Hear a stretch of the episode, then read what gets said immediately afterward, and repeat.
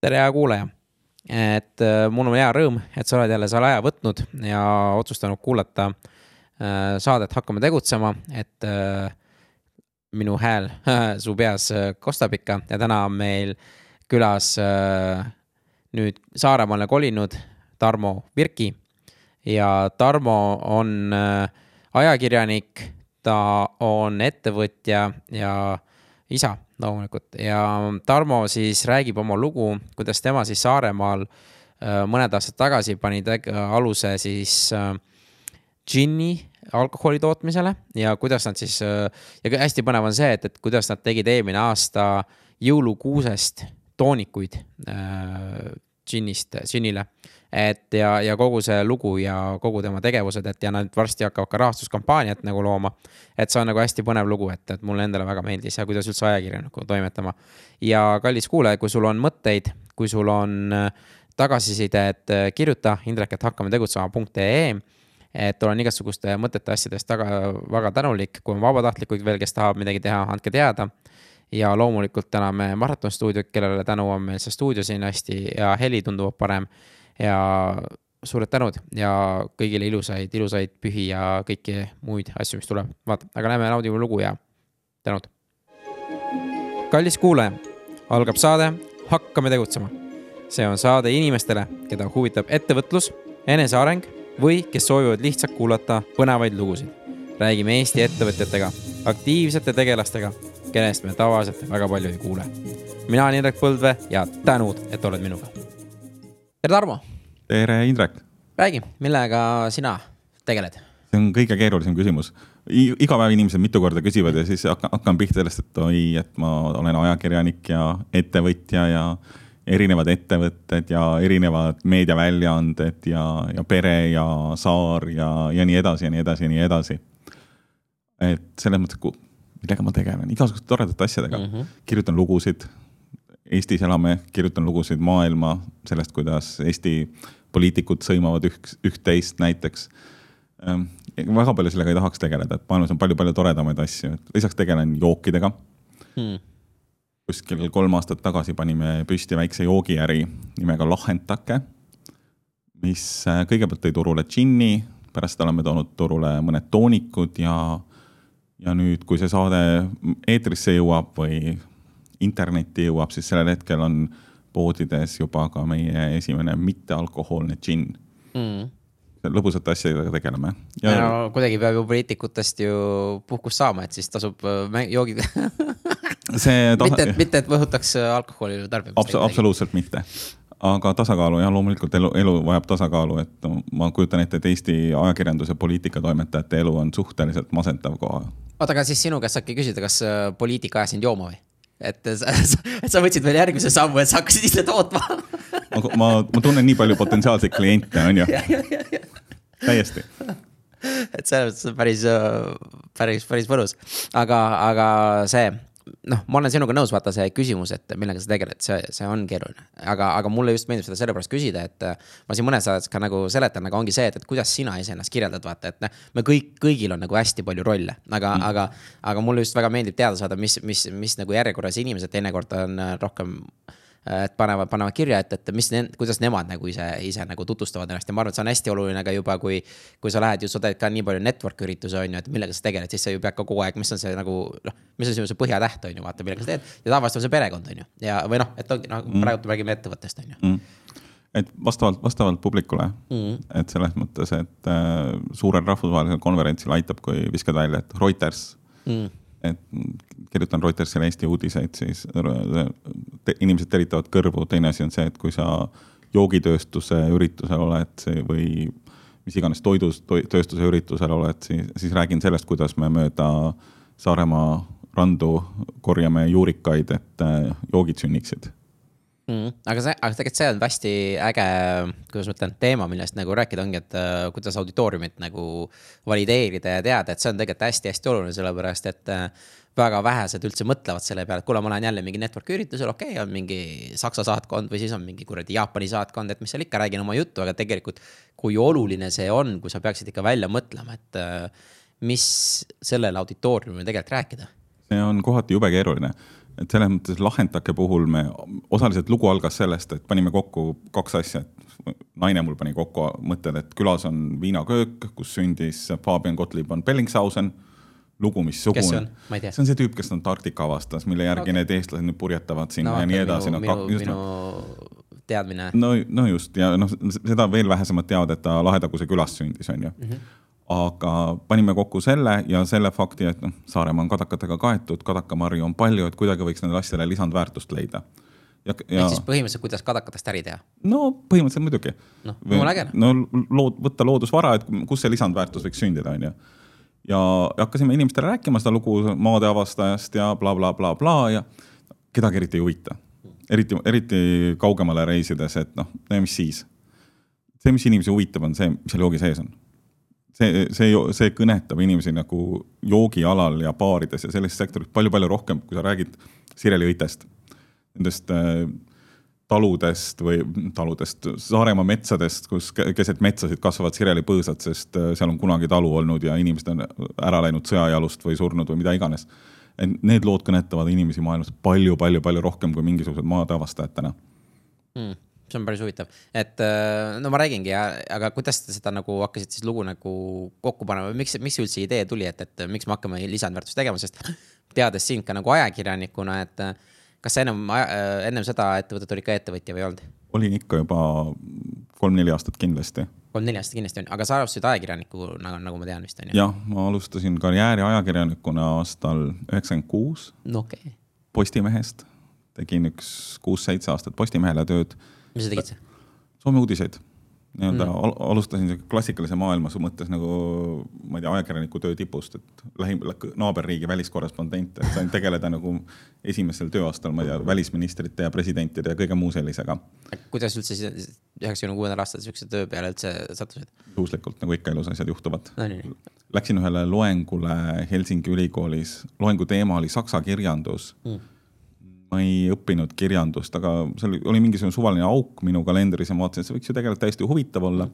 aga loeng jäi ära ja minu kõrvale istus üks tüüp, keda ma natukene oma korporatsioonis teadsin. ta oli eestlane ja ta oli juhuslikult Postimehe eelmine Soome korrespondent. ja ta ütles, et kuule, ma lähen paari kuu pärast ära, et sa oled siia meie korpi ajakirja midagi kirjutanud, et kas sind ei huvitaks mu tööd üle võtta? ja ma tean, et noh, mul nagu väga selget plaani ei olnud, ma just ajakirjanikuks tahan saada, aga juhuse tahtel, on ju. aga kelleks sa tahtsid saada?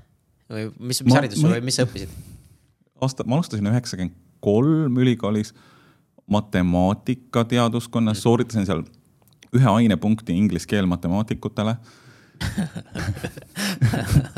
ja pärast seda õppisin niimoodi klassikalise akadeemilise maailma vabadusi heaks kasutades, et majandus- ja sotsiaalajalugu õppisin palju ja äh, keskkonnateaduseid kuigi palju ja Ladina-Ameerika kultuure ja vene kirjandust ja no, kõike, mida inim-, noorele inimesele võib huvitav tunduda. ei no aga see on väga huvitav sinu jaoks, huvitav teiste jaoks, et sest mina, mina praegu just vaatan, vaata sa. noh, kuidas mina nagu seda näen mm., ma ei, ma ei tea seda mm. õppekorda sel ajal mm., aga, aga tundub, et see on nagu uudishimu juba oli siis juba, et igalt poolt natukene vaata. et selles mõttes ma näen, et see ongi nagu ajakirjaniku hästi oluline osu, et, et sihuke uudishimu peab olema, vaata. absoluutselt et äh, kaheksandas klassis vist umbes mu ajalooõpetaja ütles mulle, et Tarmo, sa lähed ju ajakirjandust õppima. pärast sellel hetkel ma nagu suhteliselt ignoreerisin seda, aga pärast olen mõelnud, et oli ikka tark inimene. aga mille, sa ka oled mõelnud, mille järgi ta seda nagu no, eeldust tegi? no ilm, ilmselt just selle loogika järgi, et äh, lapsel on hästi lai huvi nagu maailma asjade vastu, loogiliselt. kuidagi, kuidagi nii ta selle järelduse pidi tegema. aga oli sul lapsepõlves siis, et need igal, kõik asjad? jaa, kõik huvitas, kõik. aga, aga samas jälle, kui, kui sügavasse sa läksid teemadega? No lapse, lapsena sa väga sügavale ei lähe ju. aga kui sa nagu kooli mõtte. kuusteist, seitseteist mäletad või ei mäleta, et äh, kui sügav, noh, et vaata, see ongi see, et ma ise tunnen sama, et, et äh, mul huvitavad hästi paljud teemad, aga ma jäängi teatud osades nagu pinnapealseks, vaata mm., et kas. selles mõttes, et noh, selles vanuses väga sügavale ju ikka ei lähe mm, -hmm. et selles mõttes sind huvitavad nagu maailma asjad, ma mäletan, et koolis meil korraldati järjekindlalt viktoriine, mida ma koos oma pinginaabriga, kes ka oli Tarmo pidevalt kinni panime suure vahega kõikide teiste ees, et noh, mm. maailm huvitas alati. aga kust sel ajal üldse infot nagu sa said? ma mäletan Noorte Hääl näiteks mm. internetti veel ei olnud, on ju. mitte meil. jah. No, ma ei tea, mis, mis see tuli, üheksakümmend seitse või? ei, see oli mingi kaheksakümnendate lõpp. ja tuli, aa, kaheksakümnendate lõpp. oli okay., ma käisin koolis, et nagu World Wide Web loodi üheksakümnendate alguses. no vot. interneti alged või midagi muud oli ennem olemas, on ju. jah et äh, selle interneti asjaga hästi, mul tuleb endal lapsepõlvest meelde, et äh, ma nägin telekast, et äh, oli internet ja siis äh, vist X-File'is, et oo kasutasin internetti, siis ma läksin kuhugi kuhugi messile ja siis vaatasin, vau, et mis tehnikatase on, et teil on internet juba, siis mul tehti selgeks, kui internet juba tükk aega olnud olemas, siis aga, aga mina ei teadnud sellest, et mm. ma rääkisin oma venale sihukese suurte silmadega, et vau, et ma nägin internetti umbes, et. aga tegelikult juba, see oli juba vana uudis, aga lihtsalt tuli meelde sihuke mm., aga ma lihtsalt sellest noh, uudishimust ma pigem, pigem just mõtlengi, et vaata paljusid asju huvitab, noh, kõiki huvitab mm. hästi paljud teemad, aga mm. kuidas, kuidas nagu sinu see just see ajakirjaniku asi nagu ma arvan, et äh, see osaliselt oli juhuseid. see, see, et ma sinna saksa kirjanduse loengule läksin, see oli täielik juhus mm. et kui ma ei oleks sinna loengule läinud, siis noh, võib-olla. see oli uudishimu noh. no just nimelt, see oli uudishimu tegelikult küll, aga et selles mõttes võib-olla must ei oleks ajakirjanik saanud, ma ei tea, kes must oleks saanud. must oleks võinud saada ajaloolane näiteks või, või ajalooõpetaja või noh, mis iganes mm. aga sellest, sellest ajast alates see on kuidagi hästi loomulik olnud, et äh, tegelikult osa, osa nagu hästi, hästi selgelt osa, osa minu, ma ei tea, identiteedist või elust on olnud ajakirjandus mm.. aga mis sa ise nagu nüüd selle, kui sa olid seitse aastat Postimehes jah? kuus-seitse, mis sa ise nagu selle äh, aja jooksul nagu õppisid, mis sa näed, et äh, mida peaksid nagu ajakirjanikud teadma või, või mingeid vigu vältima või kes praegult näiteks kuulavad, tahavad minna ajakirjanikuks või mida tähele panna? Kes praegult, no ma ei, selles mõttes see, see oli see, see oli see aeg, kui oli paberajaleht ja, ja internet oli just alles tulnud, on ju. aga ma... iseloom peab ikka olema, vaata, see uudi, uudishimu peab olema ja peab olema võime asjadest kõrvale astuda. mis see tähendab? see tähendab seda, et noh, ma ei saa, ma võin ju sotsiaalmeedias jagada Jari Tervo postitust, et kui jälle, kes see on, ma ei tea. see on Soome rahvuskirjanik umbes, kes okay., kes eile kirjutas kuskil sotsiaalmeedias, et, et Soomes võib küll olla nii, et Äh, kassatüdruk saab peaministriks, aga Eestis saab idioot siseministriks. no ja ma nägin seda et noh, seda nägid kõik, on ju, et noh, ajakirjanikuna ma päris teda tsiteerida nagu, ma pean suutma sellest kõrvale astuda, et ma küll eraisikuna võin ju sotsiaalmeedias seda jagada, aga, aga kõigele ei saa liiga sügavale sisse minna mm.. no ma arvan, et see on just nagu hästi oluline, piiri pidamine on ju, aga ütle, mis, mis, mis veel nagu seal nagu sellest ajakirjanikust, et ma, mul on tunne, et, et see uudishimu on sihuke hästi põnev asi, mida tegelikult peaks kõikidel inimestel olema, et, et kuidas, kuidas sa seda nagu uudsena hoidnud, et just nagu seal kogu aeg, et ma, ma, ma lihtsalt ei kujuta ette, kuidas see käib, et ma teen loo ära, panen ära ja siis okei okay,, nüüd ma võtan järgmise, kohe lähen uurin sisse, et, et kas mingi tüdimus tekib ka, et kogu aeg uurid ja teed ja no selles mõttes mingis mõttes tekib, et minu nagu suurem osa mu karjäärist, okei okay,, ma olin Postimehes mingi kuus-seitse aastat, aga et pärast seda ma olen olnud äh, tosin aastat peaaegu Reutersis. Mm.. globaalne uudisteorganisatsioon, hästi nagu noh, ma ei tea, omamoodi standardiseeritud maailm, et sa ei, jalgratast ei leiuta iga päev. aga, ja, ja tihtilugu on päevi, kus sa tegeled võib-olla viie-kuue erineva teemaga aga sa, kuidagi on kuidagi hästi loomulik minu jaoks, minu jaoks on palju keerulisem see mõte, et peaks kirjutama mingit ülikooli lõputööd pool aastat ühe teemaga tegelema, see on täielik noh, absurd. Mm.. kuidas inimesed, ma suutsin küll ühe raamatu kirjutada mingil ajal, aga et see, see oli, see oli katsumus. ja ma täitsa usun, seal peab väga noh, plaan peab paigas olema, kuidas sa kirjutad, mida sa kirjutad, et äh, mina teen audioraamatuid, noh mm. audio, audioformaadis on mul lihtsam vaata. Mm.. et ja, ja, ja noh, teine asi see, et sa pead ühe asjaga tegelema tükk, tükk, tükk, tükk aega, et igavus on, tekib ju mm.. et, et. poole tunni pärast võid vahetada uue teema, et selles mõttes on nagu uudismaailm omamoodi tore.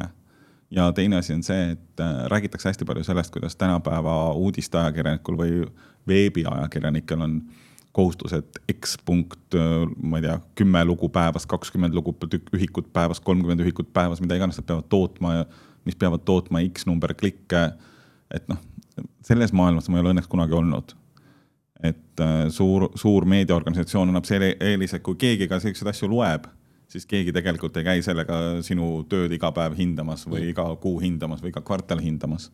Et see noh, noh, see maailma muutub meedias nagu ikka tohutult, tohutult palju, on ju, et see, mis oli viisteist aastat tagasi, see sellest siis, no sellest ei saa midagi teha, aga suhtumine on ikkagi see, mis peab olema suht sarnane, vaata, et sa pead ja. olema uudishimulik, sa pead nagu uurima. aga ma lihtsalt mõtlen, et, et kuidas sa praegult nagu hindad seda, et sinu ajal oli just see, et, et kus saada, et sa maksid, et infot saada, praegult on see, et, et sa maksad selle eest, et õiget infot saada või noh, et sihuke infot on nii palju, vaata. et kuidas sina nagu seda eristad, et mis on see kvaliteetinfo, mis ei ole, et kuidas sa sealt nagu navigeerid? ma ei tea, kuidas on hästi keeruline sõna, küsimus sellepärast et äh, mul on kuidagi kaasasündinud äh, selline asi, mida ma inglise keeles ütlen bullshit filter. okei okay et äh, noh, hästi palju turundusteksti on ju elu jooksul läbi loetud, mida, mida ettevõtted kõik teatavad ja ja võime lugeda sealt nagu noh, ühe lehekülje pealt leida need kolm sõna, mis tegelikult on nagu sisu, see on mul täiesti olemas. et siis põhimõtteliselt on sul, no ma tean, sul on prillid peas, aga ma mõtlen, kas prillid on filt-, filt-, filter peal, et läheb black'iks nagu need sõnad. ma ei nagu..., ma ei tea, ma arvan, et see on kaasasündinud kuidagi mm.. ma ei, ma ei oska nagu kirjeldada seda, kindlasti sellel ei ole mitte arstiteaduslikku selgitust või, või filosoofilist selgitust. Mingisugune võime, võime, noh, bullshit filter, ma arvan, see kirjeldab seda väga hästi.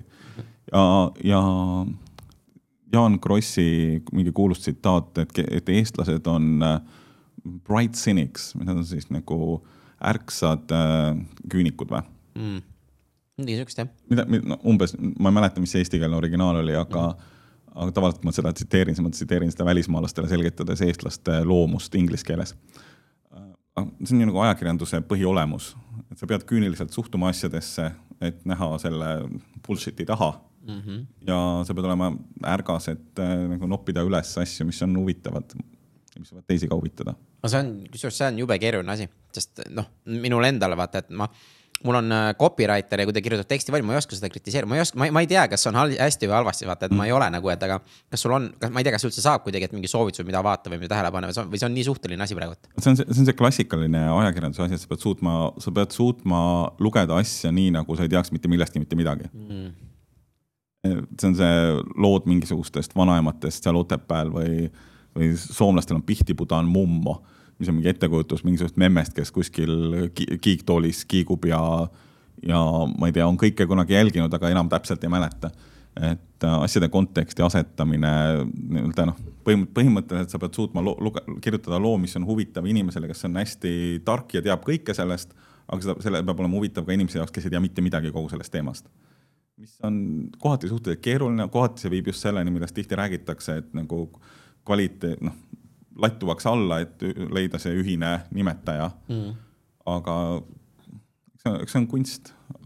aga on sul mingeid soovitusi veel, mida, mida nagu mina saaks kasutada või kuulajad, et, et kuidas nagu seda, just seda mõtteviisi viia niimoodi, et äh, sa pead neid tekste lugema niimoodi, et äh, teistele ka oleks huvitav või noh, et, et sa ei tea asjast mitte midagi, et kuidas neid eeldusi, eeldusi nagu peast ära viia. ei tea, alkohol järsku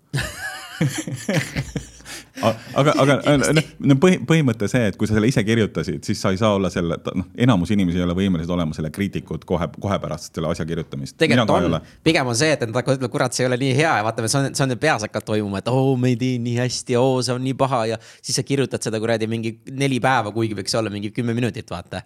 et see on, see on see koht, ma, mina tunnen, seda tehakse, mõeldakse hullult üle, vaata mm,. seda on, seda on loomulikult ja tihti räägitakse, et need on need nagu alustava ettevõtja vead on, et mõeldakse asju üle mm., liiga palju mõeldakse asju üle ja noh, eks ta kindlasti esineb mm.. et see, et noh, see on see probleem, aga on sul veel mingisuguseid soovitusi või mida teha, kui teksti kirjutada või ise kirjutad ja, ja mis oleks need head, head mõtted, soovitused? ürita vältida rumalaid omadussõnu. näiteks? ma ei tea, suurepärane, kõige parem, kõige kaunim, kõige kiirem kõige noh, mida iganes, et see, need on nagu asjad, mis tulevad sellest reklaamitekstist, tulevad paratamatult inimeste keelde, aga tegelikult äh, noh, põhimõtteliselt on bullshit. aga meil on ju kõige parem, kõige suurepärasem podcast ju kõige paremate no, küljestega loomulikult, aga, aga aga leiab paremaid sõnu, ütleme niimoodi. leiab kindlasti, no selles mõttes, et mm -hmm. siin vestlemiseks on see ju täiesti fine äh, fraas, aga et kui sa kirjutad, ma ei tea, pressiteadet või lugu Eesti Päevalehele siis nimeta seda, ma ei tea, Eesti suurimaks, Eesti esimeseks ettevõtluspodcastiks või millegiks muuks selliseks mm. -hmm. ei, see on super, on, see on jumala hea, kas sul on mm veel mingisuguseid siukseid, ma pinnin sult, äh, jumala hea on teada noh mm. ma arvan, et see omadussõnade üleküllus on nagu kõige, kõige tüüpilisem viga, mida inimesed üritavad nagu teha. et see, kui sa tahad väga neid omadussõnu panna ja üritad, ma ei tea, oma ettevõttest pressiteadet kirjutada, siis pane nad tsitaatidesse et mm. inimesed saa-, inimesed tohivad ju öelda, et mu ettevõte on kõige parem. aga sa ei suuda kirjutada lauset, et äh, sinu objektiivse, objektiivset lauset sa ei suuda väga paljude asjade kohta kirjutada, et sa oled kõige parem. sa võid öelda, siis pane ta tsitaatidesse, ütles sinu ettevõtte looja, tegevdirektor, asutaja, kes tahes mm noh, see on jumala, jumala super, noh, et ma arvan, et sellist, sellist nagu, kuidas ma ütlen, praktilisi asju on tegelikult ju mm. vaja kõigile, et kõik me kirjutame või siis on, et kui sa teed sotsiaalmeedia postitusi samamoodi näiteks, ma arvan, et see, see töötab nagu. seal kindlasti piir natukene liigub, et äh, sinu publikuga sa suudad suhelda natukene vabamalt, natuke rohkem neid äh, adjektiive kasutades, on ju, omadussõnu kasutades.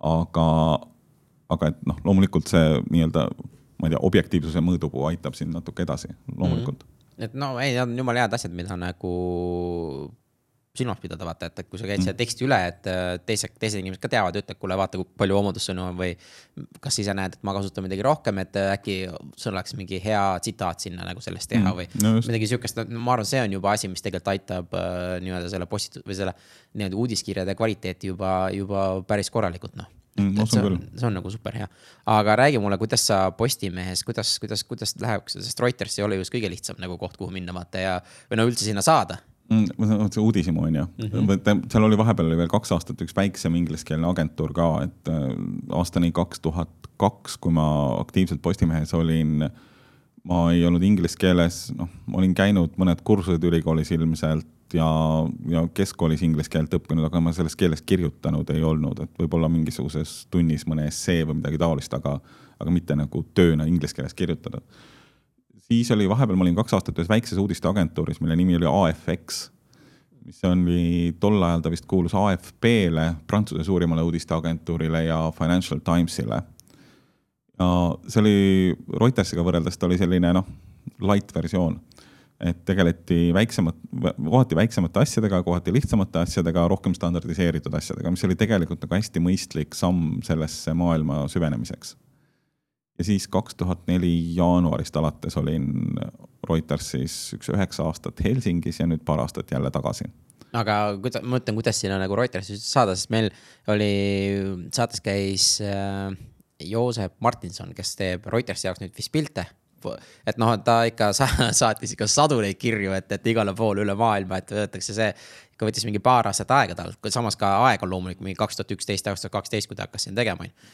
aga loomulikult ajad on natuke muutunud, aga üldse, kuidas sinna nagu noh, seal ju lävi on ikka väga kõrge ju no läbi on kohati väga kõrge, et ma olen päri, selle aja jooksul, kui ma Soome kontorit juhtisin mingisugune, Soome kontoris olin mingi kaheksa-üheksa aastat, selle aja jooksul palkasin sinna päris palju inimesi ja panime kuulutuse välja noortele, et otsime, otsime uut ajakirjanikku meie tiimi, siis taotlusi tuli muidugi noh, alati kümnete kaupa, vahest sadade kaupa ka. ja ma pean tunnistama, et kõigepealt ma tõstsin sealt patakast kõrvale need tüübid, kes olid lõpetanud äh, Helsingi, mitte Helsingi, või Tamperes on soomlaste ajakirjandus, ajakirjanduskõrgkool, kes olid Tampere ülikooli ajakirjandust magistridiplomiga, nemad tõstsin kohe kõrvale. sest see on teadus Nad õpetavad äh, inimestele põhimõtteliselt analüüsima meediatekste või selliseid asju, mille tegelikult nagu põhimõtteliselt uudised ja see maailm on käsitöö. sa pead oskama aru saada, võimalikult lihtsalt esitama seda, mitte hakkama targutama, onju.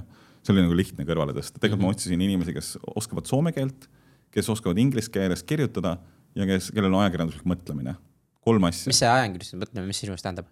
see tähendab seda, et sa saad aru, mis on asja uba et see, kui ettevõte ütleb, et äh, tead, meil läheb jube hästi ja siis seal kuskil keskel ütleb, et okei okay,, et meie kasum see aasta on miljard, eelmine aasta oli kolm miljardit. sa pead suutma aru saada, et kogu see jutt meil läheb jube hästi, on tegelikult nagu bullshit mm.. ja sa kirjutad loo sellest, et meie kasum kolm korda kukub. see on noh, ajakirja-, A ja O ajakirjanduses on ju. Äh, ja ma ütlen nendest kolmest äh, asjast, mida ma inimestes otsisin, tavaliselt kaks tükki oli nagu hea tulemus et tihti oli in ingliskeelseid inimesi, kes olid noh, valmis ajakirjanikud, aga ei saanud sõnagi soome keelest aru. oli inimesi, kes mõlemat keelt oskasid, aga ei saanud mitte midagi ajakirjandusest aru. ja siis oli muidugi nagu soome ajakirjanikke, kes ei osanud inglise keeles kirjutada. et see oli niisugune noh, tüüpiline kompott, kompott, et siis sa üritasid nagu leida highest common denominator. et inim-, inimesi, kelle, kellest, keda kutsuda intervjuule ja ke, kellega nagu edasi rääkida mm pärast seda, kui ma sealt lahkusin, oli üks kihvt tüüp, kes, äh, kelle töö taotlus algas lausega, ma tahan rikkaks saada. mina, mina, mina, ma ütlesin nagu inimesele, kes pärast mind seda kontorit juhtis, et no viska ära, et noh, ei ole mõtet rääkida. aga ta kutsus ta intervjuule, ta palkas ta lõpuks ka paariks aastaks. et noh, selles mõttes, et sa pead välja paistma. et see, kui sa istud kodus ja saadad taotlusi kõikidesse kohtadesse, kes otsivad inimesi, siis ega sa tegelikult väga kaugele ei jõua. lihtsam on minna kohale ja rääkida inimestega, alati et Reutersisse ma sattusin ka tänu sellele, et ma olin kaks aastat äh, seal väiksemas agentuuris tööl. käisin läbi uudis äh, pressikonverentse, inimesed teadsid, kes ma olen, ma esitasin seal tarku küsimusi, nad olid näinud mu artikleid, mu artiklid olid liigutanud äh, aktsiakursse, ütleme Helsingi börsil. mind oli tähele pandud. ma arvan, see on nagu iga noore inimese, kes tahab kuskil ettevõttes karjääri teha, nagu põhi A ja O, et mine, mine välja, sind pannakse tähele, kui sa midagi, midagi tarka teed ja siis sa leiad järgmise töökoha mm.. minu nii-öelda, ma ei tea, elufilosoofia või loogika. muidugi mõni aeg edasi sellest, must sai ettevõtja ja noh, ma pärast seda ma nagu eriti ei muretse selle pärast, et kus ma järgmise töökoha saan. ja, ja, ja, et see on jah, aga sellele me jõuame veel, aga mm. ma lihtsalt, sa mainisid seda, et, et tarkade küsimuste küsimine. kuidas sa, kas sa valmistad küsimusi ette või kuidas, kuidas see tarkade, mis ja mis see üldse tähendab, tarkade küsimuste küsimine, see on jube keeruline tegelikult see on jube keeruline ja vahest pressikonverentsidel on see veel eriti keeruline. Eestis on tihtilugu, ma käin Eestis pressikonverentsidel, kus keegi ei küsi mitte ühtegi küsimust. täna hommikul olin Eesti Pangas, kus seal oli, lisaks minul oli teisi ajakirjanikke ka ja mitte keegi peale minu mitte ühtegi küsimust ei, ei küsinud. ma küsisin ühe hästi lolli küsimuse. mis tähendab loll küsimus ähm,? ütleme, seal oli üks slaid, mis, mis äh, mis, mis ei olnud mitte väga mõistlikult äh, minu meelest esitletud ja lasin neil seletada seda. ja siis ma küsisin neilt ka nagu väga detailse küsimuse, et äh, Euroopa Keskpanga järgmise aasta, ma ei tea, strateegia muutuste kohta. sain sellele väga asjaliku ja targa vastuse ja see on täna, ma kujutan ette, et suur, suur uudis Keskpanga maailmas aga, aga vaata, aga ma tahan tulla just nende mm. küsi-, see küsimuste küsimine, see on tegelikult minu jaoks nagu, see on ka iseenda käest vaata. et see küsimine, kas sa küsid iseenda käest ka paremaid küsimusi, vaata, see on, see on nagu kõige algus, et see on peas hakkab pihta, vaata, et. et hommikul küsid, et miks ma üles ärkan, noh, ja see on, sa pead alati küsima paremaid küsimusi, et või mis mind täna ees ootab, et kuidas ennast motiveerivad. aga ma veel ei kujuta ette, kuidas see ajakirjanduses veel nagu välja tuleb, sellest, et, et, et parem, kui sa küsid paremaid küsimusi, sa saad paremaid vastuseid. kui sa saad ja. paremaid vastuseid, siis sa saad ka parema loo kirjutada. aga see on nii keeruline minu meelest neid küsimusi, et, et kas on sul mingi protsess ka või, või, või, või sa ise ütlesid ka, et sa küsid lolli küsimusi, tegelikult mina leian, et lolli küsimusi ei ole, ei, ma olen selles mõttes, ma olen nõus, et lolle küsimusi ei ole ja ma olen kindel, et nagu tänu sellele, et ma kõigepealt rääkisin ühest teemast ja, ja sain, inimesed rääkisid natuke rahulikumalt, nad rääkisid, andsid mulle teisele küsimusele targema vastuse. Ma arvan, et tänaseks, noh, ma olen ajakirjandusmaailmas olnud kakskümmend kolm aastat et see, see on nagu kuskil sügaval selg, selg, seljaüdimes või mis, kuidas seda eesti keeles kaunilt öeldakse, on ju. et tegelikult see ei ole nagu, see ei ole täna mul nii, et ma hommikul hakkan mõtlema, et joonistan üles graafikuid, et kes võiks mida öelda, et kuidas ma peaksin küsima, et ma jõuaksin selle vastuseni mm. -hmm aga kui ma alustasin karjääri, siis loomulikult ma joonistasin hästi palju küsimusi üles, kirjutasin. no, noh, ütleme, ma ei tea, mul ei ole vast alles, aga esimene ma ei tea, Soome välisministri intervjuu, ma kujutan ette, mul oli kindlasti lehekülgede kaupa küsimusi, mida ma üritasin kuidagi grupeerida, et jutt loogiliselt läheks ja siis pärast, kui ma selle intervjuu ära tegin, siis tulin tagasi sellega, et ma jõudsin kolm küsimust nendest küsida, siis jutt läks juba hoopis kuskile mujale ja ma läksin selle jutuga kaasa. aga, aga eks see nagu noh ma, ma. ei no vaata, ma, sorry, et ma vahele jälle segan, et, et ma loodan, et see on okei okay., ma lihtsalt, lihtsalt leian vaata, et sa, vaata, sul ongi juba kakskümmend kolm aastat ajakirjandus olnud, sul need küsimused tulevad küll naturaalselt, vaata, aga ma arvan, et see, mis sa alguses praegu rääkisid mulle, mulle tundub, et kui sa need küsimused välja kirjutasid ja selle ettevalmistuse tegid, et see on see juba see, see vaimne tegevus, vaata, et sa olid seal, seal juures ja, ja sealt hakkab ka nagu see ajumuster vaata teistmoodi nagu arenema, mis on tõsiselt põnev noh. ja, ja muidugi, ma ei ole küll väga, väga hea seda analüüsima, kuidas ta muutunud kahjuks. Aga, aga see oleks jube huvitav, kui nagu kuskil kuulata, kui sa mõnes järgmises podcast'is kutsud kellegi, kes on midagi sellist analüüsinud, see võiks jube põnev olla. Mm, ma võin taju teada, siin peab, peab vaatama, et, et Tauri Tallermaa käis mul, et äh, noh, ta ju ei ole nagu küsimuste nii-öelda mm. ekspert, aga ta on nagu ajuekspert, et kuidas mm, -hmm. kuidas see nagu su nii-öelda, kas need neuronid peas kõik ja aju plastilisus ja need on need põnevad sõnad, mida ma ei oska isegi ilusti välja hääldada mm., vaata on ju, et, et kõik need tegelikult toetavad just seda, et, et küsimuste küsimine ja see, kuidas sa paned enda. see ettevalmistustööd, sest ma just, ma olen näinud ka sul neid äh, märkmeid, vaata, mida sa teed ise, et mm. mulle hästi-hästi meeldib, kuidas sa neid äh, päevikud või need äh, vihikutesse neid märkmeid mm. nagu, sul on hästi oma nagu sihuke nagu.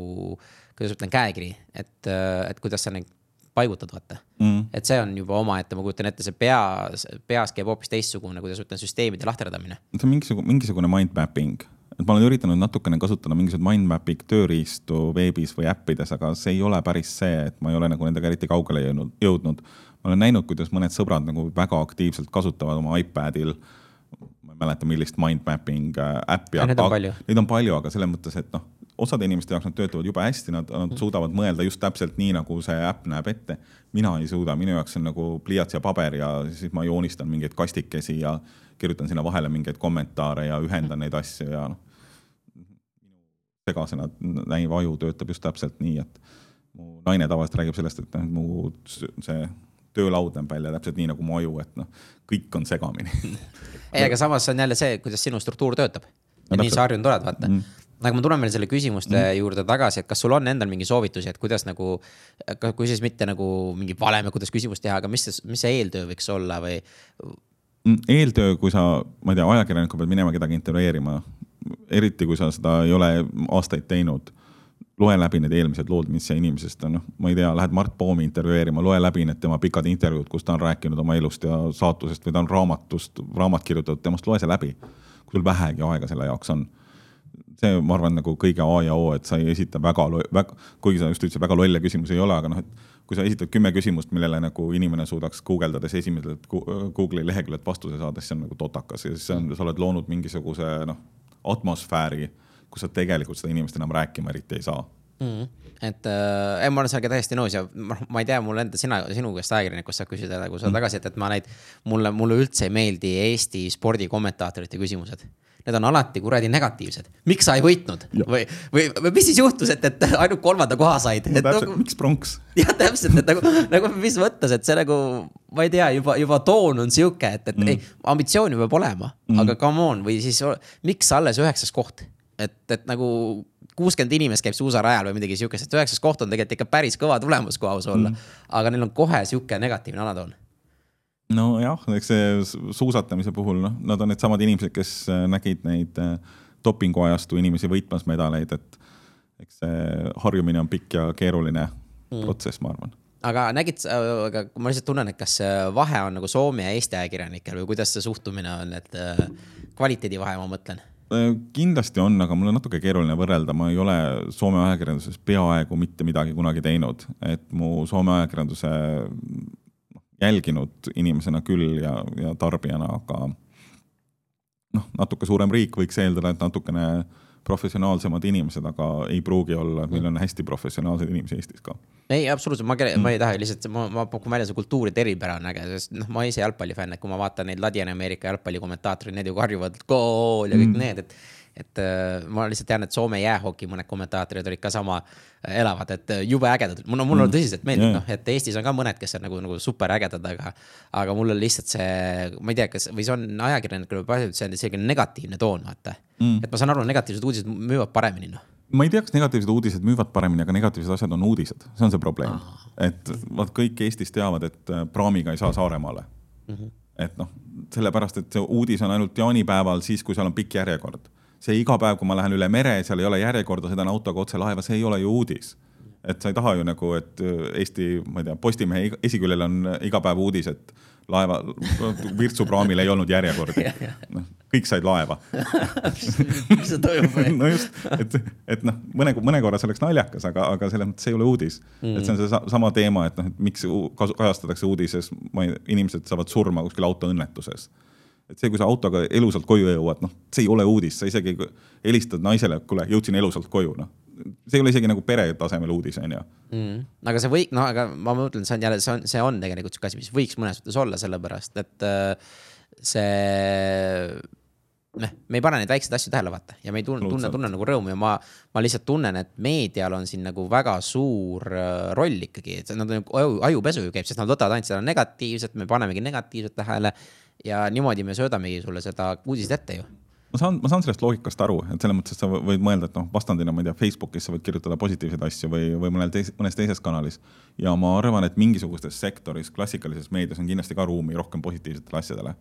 ma olen suure osa oma karjäärist teinud majandusuudiseid ja noh, majandusuudiste puhul on samamoodi positiivsed uudised tule, tulemused olid head, aktsia tõusis, see ei ole nagu kellegi jaoks mingisugune üllatus või see ei ole nagu, see on täiesti normaalne osa igapäevasest uudiste kajastamisest, et see ei ole, et, et see, et kui aktsia kukub kümme protsenti, see ei ole suurem uudis, kui aktsia, aktsia tõuseb kümme protsenti.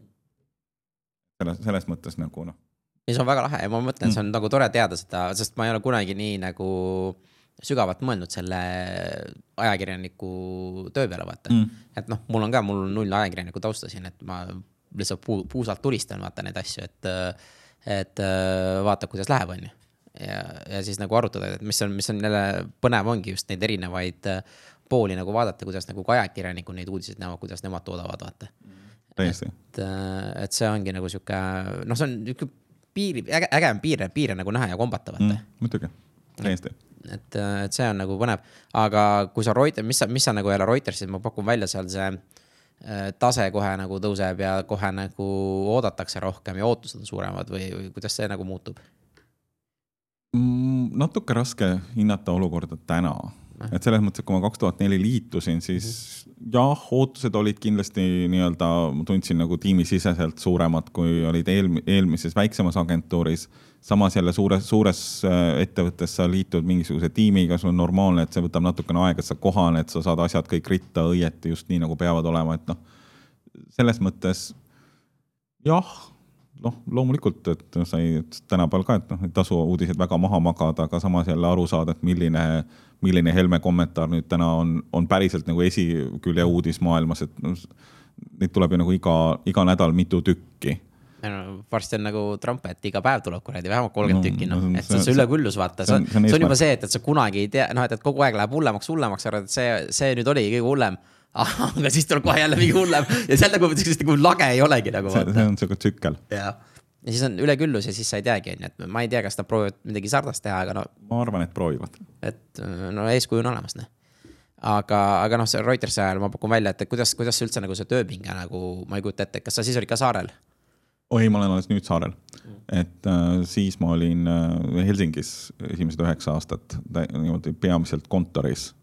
Tööpinge kohati päris kole, selles mõttes, et äh, majandusuudistes sa elad nagu kvartali tulemuste rütmis osaliselt. et siis, kui ma ei tea, nüüd jaanuari lõpus börsiettevõtted hakkavad kvartali tulemusi teatama, siis üks sihuke kolm nädalat on põhimõtteliselt hullumaja. sa eelmisel päeval valmistad ette järgmise päeva lugusid ja sellel päeval, kui need uudised tulevad, sa tulistad, noh, kuni, kuni nii kaua, kui börs põhimõtteliselt kinni pannakse. Ja, ja siis, kui sul on veel ülejärgmise päeva uudised ette valmistamata, siis hakkad neid ette valmistama. et ma arvan, et suur vahe nagu maailma ja võib-olla väiksema meedia vahel on see, et Reuters või, või Bloomberg või mis iganes globaalne organisatsioon, sa ei alusta kunagi asja kirjutamist nullist, siis kui asi juhtub. et, et asja, et sa saaksid kirjutada, ma ei tea, ruttu suure loo mingist teemast, lugu peab ju sul valmis olema või sul peab vähemalt pool sellest olema valmis või mingisugune struktuur peab olema valmis. Et äh, mingisugused, ütleme, Soome suurimad uudised endiselt mingid Nokia kvartali tulemused. et noh, loomulikult sellest on mitmeid, mitmeid paragrahve eelmisel päeval valmi-, valmis ette valmistatud, et sa suudaks seda asja kiiresti toota mm,. et ma just mõtlengi, see on nagu päris huvitav, et aga kuidas läbipõlemisega, et sellest ma pakun, sest ma ei tea ajakirjaniku tööst midagi, vaata. et, et kujutab ette siis, kui kolm, kolm nädalat ja siis sa paned ju noh, on natuke hullem, aga siis sa lähed ikkagi rütmiga edasi, vaata, et see on nagu päris mm., ma ei kujuta ette, see võib päris selles mõttes, see võib olla päris hullumaja ja loomulikult tuli ette inimesi, kes nagu ei pidanud selle rütmiga absoluutselt vastu et äh, noh, inimesi, kes ma ei tea, pärast proovi, katseaega ära läksid või noh, loomulikult seda tuleb ette mm. ja, ja inimesi, kes noh, selgelt ei sobinud selle, sellesse sektorisse selliseid asju tegema ja üritasid mingi aja vastu pidada, et näeks CV-s ikka piisavalt viisakas välja, et ta oli seal aasta või kaks, mitte nagu kaks kuud või neli kuud, on ju. Et loomulikult selliseid natuke keerulisemaid case'e tuli alati ka vastu aga kuidas sa ise nagu oled äh, saavutanud sellise, et äh, ei ole läbi põlenud ja, ja chill'it võtad nagu äh,? džinn ei, aga seda ei olnud siis sel ajal. siis, siis meil ei olnud džinni loomulikult. see, aga ma arvan, et mul on mingisugune sihukene loomulik äh, rahulik olek kuskil sügav, sügaval nii-öelda loomuses sees. ma suudan nagu hästi keeruline oli siis, kui üheksakümnendate lõpus Postimehes hakkasin kirjutama ja vahest tegin selle vea, et hakkasin lugema kommentaare oma artiklite all. siis oli Postimehes oli nagu avalik sõimukiri oli seal nagu su artikli all sabas, et noh. seda, seda viga sai mõned korrad tehtud, aga eks see kasvatas nahka ka paksemaks, et äh, ja noh no Reuters. kas kirjutasid vastu ka kommentaare, mida sa kurat tead või? eriti, ma ei usu, et ma ei usu, et ma eriti üldse seda tegin, et võib-olla, võib-olla mõne korra olen elu jooksul teinud, aga ma ei mm. usu aga see, noh, no Reutersis ma olin ju tegelikult äh, Soomes kajastamas Nokia tõusu ja hävingu lugu aa ah, ja, ja, aa, sa olid ja ju need, kui ta oli maailma kõige, kõige number üks ja siis ta hakkas see, et oli kuradi maailma kõik just. see, okei, okei, see võis päris huvitav olla. ja, ja siis, kui, mis nagu noh, see sellisel tööl, kui sa kajastad, noh, ma ei tea, riigi suurimat ettevõtet maailma meedia jaoks, siis su töö on põhimõtteliselt tsüklist ees olla. Su, su töö on nagu suuta lugejatele öelda, mis homme hakkab juhtuma, mis selle ettevõttega, mis järgmised sammud on. ja siis, kui kuskil sealt kaks tuhat seitse, kaks tuhat seitse, kaks tuhat kaheksa tulemused olid veel väga head ja siis hakkas asi nagu kiirelt allamäge minema ja selleks ajaks tegelikult nagu mobiilitööstuse sees oli aru saadud, et Nokia platvorm on ajalooline ja sellega ei ole nagu selles maailmas mitte midagi teha ma olin nagu sellest tsüklist, ma ei tea, nädalaid vahest ees või võib-olla mõne suurema teemaga kuid ees. Kirjutasin, mis, mis, mis asjad on halvasti, mis, miks see, miks selle ettevõttega asjad lähevad noh untsu. ja siis, kui sa kirjutad seda maailma suurimasse meediakanalisse sinu riigi, ma ei tea, juveelide kohta Mm -hmm. siis noh, kohati ma ikka vaatasin, et mida inimesed kirjutavad minu kohta kuskil no, kohalikes investorportaalides, et see oli ikka päris kole no uskuda on, noh, see on, see on põhimõtteliselt nagu Eestis kuradi, ma ei tea, Kalevipoja peale nagu mis iganes hakata loopima, on ju, niimoodi ja veel, ja veel avalikult paned Delfisse, kirjutad mingi loo ja paned või Konstantin Pätsist umbes, et lööd, et mis iganes asju sinna, et no,, et see võib päris, ikka päris räme olla nagu. see oli kohati päris räme, aga kuidagi lülitad välja selle, et selles mõttes, et mm. nagu noh, homme on uus päev, uus lugu, et äh, isegi kui mõne, mõni asi ei lähe nii täiuslikult või nii hästi, kui tahaks, siis noh, homme on jälle uus päev, et mis ikka aga kas sa nägid seda nagu nii suurt langust, nagu see Nokial tulil või see oli jälle sihuke, et optimism oli kuidagi ikka, et oh ei, ta nii hullult ei lähe, aga. ma, arvan, et noh, ajakirjanikuna mu töö ei ole ju nagu kajastada või ennustada, ma ei tea, aktsiakursside hävingut, pigem nagu näidata trende, mis suunas asjad lähevad, et, et tagantjärele tahaks muidugi tark olla, öelda, et asjad olid palju hullu tegelikult minu meelest selle asja juures nagu see, see asi, mis nagu neil metsa läks, oli lõpuks see strateegia valik tarkvaraga. et ma arvan, et sellel hetkel, kui nad ametlikult tulid välja, et nad hakkavad Microsofti kasutama, see oli nagu surmalöök, et see oli nagu noh, need, need, need esikaaned Soome meediates järgmisel päeval, kus nagu Nokiale joonistati hauaristile, need olid nagu täiesti adekvaatsed tegelikult seda, okei okay,, seda ma isegi ei tea, et see on, see on ikka päris, päris suur, aga kuidas see nagu äh, noh, sa olid täpselt sel ajal seal ka veel, et kuidas see nagu nii-öelda riigile mõjus sellised nagu langused, et äh, seal vist päris mase-, masend-, noh, kurvaks läksid need tegelikult. seda küll, et seda eriti kuskil nagu nendes väiksemates linnades, kuskil Oulus kadus mingil ajal tuhandeid töökohti või Salo, Salo linn Turu ja Helsingi vahel, mis nagu elas põhimõtteliselt Nokiast mulle tundub, et mingil hetkel nad olid selle linna kinni panemas. Mm.. et äh, kohati, kohati see oli ikka päris, päris kole, äh, väiksematel regioonidel eriti. aga Soome tehnoloogiasektor on suhteliselt kiirelt kasvanud viimase kümne aasta jooksul, et tegelikult nagu väga palju nendest inimestest on leidnud oma sektorist või mingist sarnasest sektorist tööd. Ei no Nokia oli tegelikult ikka teatud asjades ikka valdkondades ikka väga-väga kiiresti ees ja nad olid ikka vahepeal ikka globaalsed nagu liidrid, et neil need kogemused on ikka fantastilised, mis seal nagu eriti juhtkonna tasemel, ma ütlen, meil on ju Skype oli sama, et, et pärast, kui startup hakati, hakati tegema, siis viimased kuus aastat järjest nii-öelda see story esimene lause oli, me olime endised Skype'i töötajad, noh, Soomes oli täpselt sama, ma pakun välja, et me olime endised Nokia töötajad, kuigi see võib-olla ei olnud kõige paremas valguses. just, just nimelt see valgus, seda ma tahtsin just öelda, see spin'i vahe nii-öelda, et äh, Skype'i puhul võid, võid põhimõtteliselt kõik need atribuudid seal kõrval on nagu positiivsed. Mm Nokia puhul sellel hetkel nad olid kõik negatiivsed, et mm. selles mõttes, et okei okay,, mingis globaalses kontekstis see andis sulle võib-olla mingisugust nii-öelda usutavust juurde, et kõik meie, ma ei tea, tiimijuhid on endised Nokia direktorid. Nad on tegelikult globaalset äri teinud, nad tegelikult yeah. teavad, kuidas see asi käib, on ju aga eks nad natukene üritasid seda mingitel aastatel kindlasti peita või varjata või. maine, maine on, maine on hullult oluline, ei, see on arusaadav ja mm. see on täitsa, täitsa okei okay. mm.. aga nüüd oligi, et Reuters siis tegid oma seal tegevusi ära ja siis mõtlesid, et kuule, et nüüd ma hakkan ettevõtjaks või, et äh,. äh ettevõtjaks saamine oli selline, ma ei tea, sunniviisiline või? mis mõttes, aa okei okay., no see on enamustel e. enamustel just, aga kaks tuhat neli, kaks tuhat kaksteist alguses kolisime tagasi vist siis ma tegin veel mingi aja nii-öelda kaugtööd Helsingisse, Reutersit. kaks tuhat üksteist, no iga, igal juhul. Äh, et umbes pool aastat tegin veel kaugtööd, aga siis, siis tulin äh, sellesse toredasse ettevõttesse, mis Eestis oli, oli Forbes Eesti, millest ajakirjandusmaailmas räägitakse igasuguseid toredaid lugusid, enamus neist vastavad tõele äh, aga see oli lätlaste käes oli see litsents ja ma tulin sinna peatoimetajaks mõneks ajaks ja noh, point oli, et tuled meile tööle, teed ettevõtte, me maksame sulle ettevõttele su, mis, mis iganes konsult-, juht, juhtimise konsultatsioonitasu või midagi muud sellist. see oli niisugune sunniviisiline raamatupidamislik ettevõtjaks asu-, asumine. aga päriselt ettevõtjaks ma sain kaks tuhat, hakkasin, sain, hakkasin, hakkasin vast ikka. Arenesid? arenesin, kasvasin. kasva, vaat, vaat kasvasid ettevõttes ma arvan, et äh, mõni aeg pärast seda ma käisin läbi EBS-i äh, ettevõtlus äh, magistrikoolituse. okei okay., kuidas see oli, meeldis? Jah ja ei, selles mõttes, põhi, põhimõtteliselt meeldis. Äh,. mulle ei meeldi, seal oli väga totakaid vanaaegseid struktuure, muuhulgas minult, kes ma olin kümme aastat inglise keeles kirjutanud, nad hakkasid mulle, mult mingil hetkel nõudma inglise keele kursuste läbimist, ma saatsin nad pikalt ja sellepärast on mul tegelikult see endiselt lõpetamata. Aga mulle meeldis nagu see ettevõtlusprogramm tollal ja üks Eesti äriinglitest, äh, Tiit Helenurm, vedas seda, ta oli meie, ma ei tea, grupi juht või mis iganes, kuuekümne viie või seitsmekümne aastane, mis ta täna on, et et selles mõttes hästi, iseenesest hästi, hästi kiht äh, grupp ja hästi kiht äh, kursus oli ja andis mulle kindlasti päris palju julgust juurde asju teha.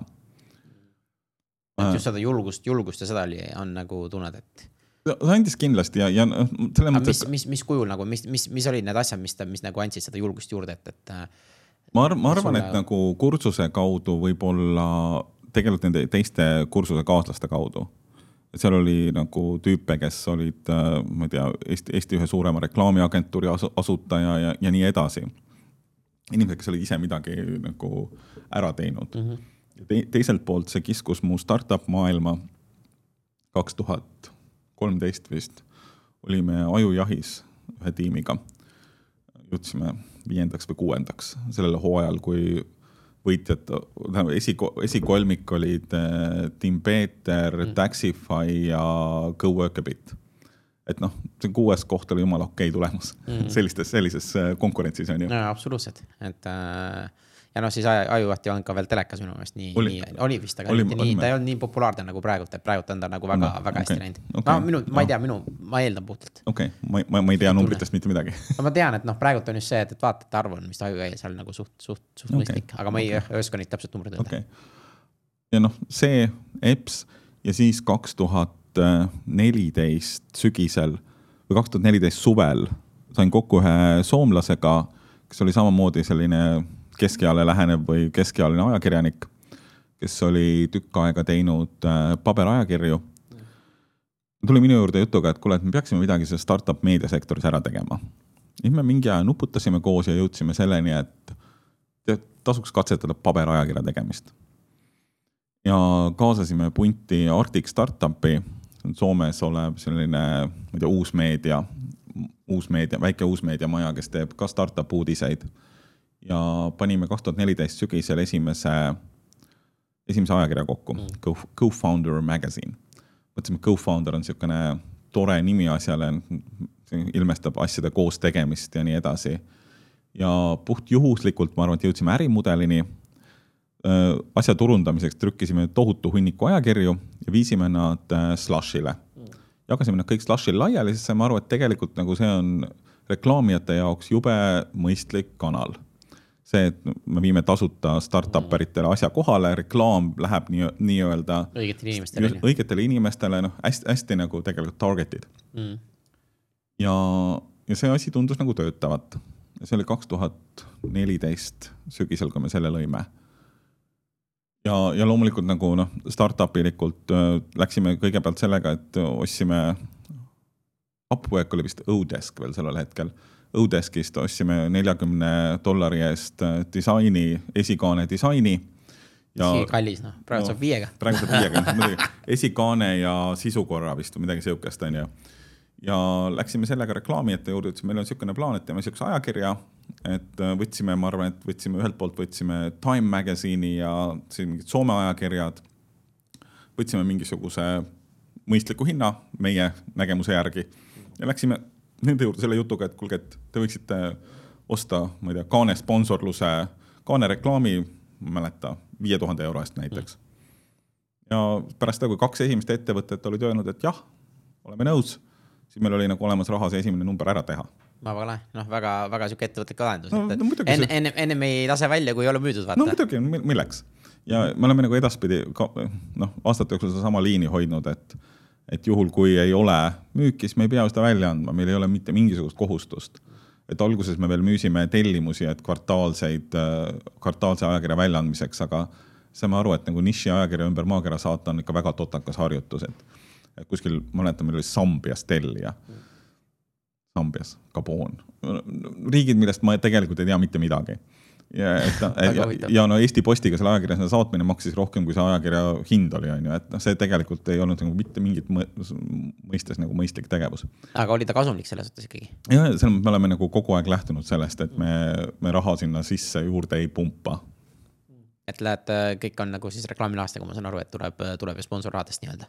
no reklaamirahadest põhimõtteliselt jah jah mm -hmm. et äh, ja noh, see siiamaani nagu töötab no, Si- siiamaani töötab, et andsime ühe numbri välja nüüd oktoobris, järgmise numbri ilmselt veebruaris. veebruaris, et kas Latitude'i ajaks või? veebruaris, Latitude ei, on mais. Latitude on mais, noh, ma Ma mõtlen, kas tek- enne Latitude'i tuleb ka veel või? Tek-, seda ma ei tea. sest ma mõtlen just see, et, et, et te alati panete ette suurte konverentside mm, -hmm. sellepärast ma Latitude'i Äh, nagu Tech, mõtlesingi. TechChill ja Mobile World Con- Conference on või kongress on veebruari teisel poolel, et need on ilmselt need nagu põhiüritused selle numbri ümber. Mm, mm, mm. aga okei okay,, et no mulle meeldib just see, et, et sa valisid just selle nagu kindla niši, aga vaata, kas see startup'i teema oligi nagu täiesti nagu lambikas tegelikult, et sa ei olnud ju ennem startup'iga üldse kokku puutunud, mul on tunne. ajujaht. ajujutt oli ainuke, sealt tekkiski kohe idee, kuule, et aga ajakirjanik, startup'id, paneme need kaks asja kokku, et, et sellest. natuke, natukene. sellest, jah, jah, et selles mõttes, et see Ajujahi projekt äh, läks äh, lörri kuskil talvel, ma arvan, kolmteist lõpus ja neliteist suvel, selle, selle jah, sel, sel hetkel mul oli veel selline kena palgatöö Nokias. ma olin äh, kaks aastat Nokia mingis kommunikatsiooniosakonnas, tegelesin nende Lääne-Euroopa kommunikatsiooniga. et see noh, mul oli nagu olukorras, kus mõtlesin, aitab küll nüüd startup idest, et noh, ei huvita, võiks nagu rahulikult pereelu elada ja palgatööd teha ja nautida vabast ajast ja käia puhkusereisidel ja kõigest muust sellisest, onju. jah, aga no teada on, et sa tulid jälle startup'ide ja asjade juurde tagasi, et noh, et, et, et noh, see puhkus väga kaua ei kesta, vaata. et äh, see ongi mingi startup'ide teema, vaata, ma ise ka, ma ei taha noh startup'i teha, aga samas see mindset ja kõik need, mis seal nagu, kuidas see nagu suhtumine on, vaata, see on see, mis nagu tõmbab tagasi kogu aeg, vaata. ei täiega, ma olen sinuga tä- täiesti nõus ja noh, see on, see on nagu, ma arvan, et tänapäeva ettevõtja või.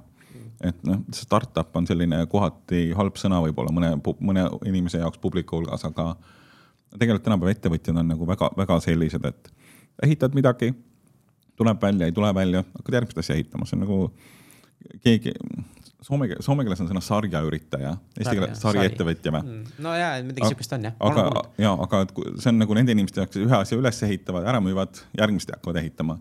aga nende inimeste jaoks, kes nagu mitut asja korraga teevad, kas nad on multiettevõtjad või? ma ei tea, ma pole mõelnud, see on, ei, see on huvitav, sest ma tean jah, päris mi- mitut, kellel on mingi kolm-neli ettevõtet käib nagu äh, simultaanselt siis nagu, et, et see, kuidas nad kõik need run ivad, see on juba omaette küsimus, aga kõik pealtnäha on kasumlikud, noh, mis on täiesti müstika, noh, minu jaoks. et see on jälle süsteemide ehitamine, aga kuidas neid õigesti nimetada. jah, ma lihtsalt ettevõtlikud, noh Mm. et see on lihtsalt ettevõtlikud. aga nüüd on see, et, et okei okay,, sa teed oma neid ajakirju, et ma tean, et need ajakirjades käivad sul erinevad põnevad inimesed, et äh, on isegi nagu olnud äh, meeldiv nendega kohtuda, on ju, et, et kus siis, kus siis see tekib, et äh, kuule, et, et teeme nüüd äh, Saaremaal, viskame mingid kadakad, kadakad kokku ja teeme mingisugust oma teemat kuule, ma süüdistan oma naist selles, mm.. et noh, nagu ikka kõige, kõige taga on lõpuks naine, onju. noh, absoluutselt. et ka, meil oli neli-viis aastat juba suve, nii-öelda suve, nii-öelda suvekodu või teine kodu Saaremaal olemas. kaks tuhat kuusteist jaanuaris ta tuleb üks päev ko koju kepikõnnilt küla vahelt, tuleb jutuga, et kuule, kallis, et me peaksime selle küla viinaköögi püsti panema oota, mis see küla, miks, miks üldse seda vaja püsti panna? mm,. see oli see alguse idee selles mõttes, et ta oli käinud seal kuskil selle viinaköögi kõrvalt mööda, kus Bellingshausen sündis mm. -hmm. kuu paistis kuskilt, kadakad olid valgustatud, tal oli see Epiphany nii-öelda või nagu sihuke valgustushetk oh,, valgustushetk, valgustushetk on kaunis eestikeelne sõna. jah, ja noh, ma ütlesin talle muidugi, et kallis, et ma teen siin ühte ajakirja ja mul on mingi töö, töö ka siin, kus natuke nagu aega võtab, et palun anna minna, et ma igati toetan sind, aga, aga kallis, ära väga arvus- arvesta minu ajaga. jah, teed nagu peres ikka, et noh, mõned nädalad läks mööda, ma olin ka täiega sees selles muidugi. ja kuusteist alustasime, no tegime muidugi turu-uuringut, käisime külas kõikidel ümberringi, kes midagi toodavad, igasugused tootjad Soomes, Norras, Eestis ja siis äh, aga see ongi hea teada, et kuidas, kuidas sa ise näed, et kuidas sinu nagu see ajakirjaniku taust on aidanud sulle ettevõtte jälle käivitamisel? et mis on need sammud, mis sa nagu alguses teed, vaat see turu-uuring just, on väga huvitav. et mm, kuidas ja on veel äkki mingisugused, mis ise näed, et, et, et noh, sa oled nii palju erinevaid founder eid ja inimesi intervjueerinud no.. kas sa näed, et sul on endal mingi special kill? Äh, ma arvan, et äh, üks asi on äh, noh, suhtlemine, see, et sul tegelikult on olemas aastatepikkune võrgustik, see ikka aitab see ei ole küll nagu väga toetav inimestele, kes oma esimest ettevõtet võib-olla kaheksateist aastat asutavad, aga neid tegelikult see väga ei koti, nad teevad seda suurest, suurest innust ja rõõmust midagi teha. aga see, et sa tegelikult tunned inimesi, et noh, näiteks üks Küro asutajatest, Mikko Koskinen, on tegelikult endine startup'er keda ma olin kunagi intervjueerinud millegi jaoks kuskil, kui ta oma startup'iga oli kuskil kiirendis USA-s. et noh, selles mõttes, et tunned. võrgustik on, on ju. võrgustik on olemas, kuigi ta ei ole selles sektoris, et väga palju inimesi joogitööstusest ju ei tunne, on ju, mm. aga teisalt selle ajakirjanduse maailma kaudu sul on mingisugune kogemus võrgustiku ehitamisest, sul on mingisugune kogemus suhtlemisest, sa, ma ei ole väga hea helistaja aga kõikide muude kanalite kaudu ma olen nagu suhteliselt hea inimestega kontaktis olija. noh, kõige, kõige paremini, kui ma saan inimestega maha istuda ja rääkida näost näkku, see töötab kõige paremini alati. Telefon on minu jaoks selline, okei okay,, saame hakkama kuidagi, aga noh, mina ei ole see tüüp, kes peaks nagu helistama külmi kõnesid kuskile, et millegi positiivseni jõuda, et see, ma ei ole selleks võimeline eriti. et midagi saab kunagi tehtud, aga tavaliselt nagu pika, ma ei tea, vindumise peale. ma arvan, et nagu kontaktide loomine, kontaktibaasi ehitamine, et ma arvan, et minu ülesanne meie ettevõttes on olnud nagu rahvusvaheliste kontaktide leidmine ja igasugustele turgudele minemine. Mis tegelikult selles tööstuses on jube keeruline võrreldes tüüpiliste startup idega. et tüüpil-, teed mingisugust digitaalteenust, mida kuskil äpina müüa, noh, ma ei tea, GoFounderist me mingil hetkel müüsime digitaalseid tellimusi üle, ma ei tea, iOS-i poe kuskile üle kogu maakera, ma isegi ei tea täpselt, mis riikidesse. et noh, klikk, vali siia, maksa mingi aastamaks, läks, oledki välisturul. Pudelite ja alkoholiga, see on palju keerulisem, sul on tegelikult mingid tüübid, kes peavad seal kohalikus riigis pabereid täitma, iga asja, iga asja eest korraldama, et maksud saavad makstud, suhtlema nende kohalike ma ei tea, kauplustega, et poed, noh, poed saavad varustatud või baarid saavad varustatud. Nad tegelikult teavad, mis jooks see on, mille jaoks see sobib ja kõik, kõik, kõik nagu selle protsessi ehitamine, kui sa tuled väljaspoolt, on tegelikult jube keeruline. ja kohati on tõesti niisuguseid müstilisi, müstilisi kohtumisi ja müstilisi seoseid. Et meie tänaseks suurim välisturg on Tšehhi. kuidas me Tšehhi turule läksime? ei olnud nagu EAS-ile esitatud äriplaanis ei olnud kirjas, et lähme Tšehhi turule, lähme messile ja hakkame sõnumit levitama. noh, ei tööta asjad nii.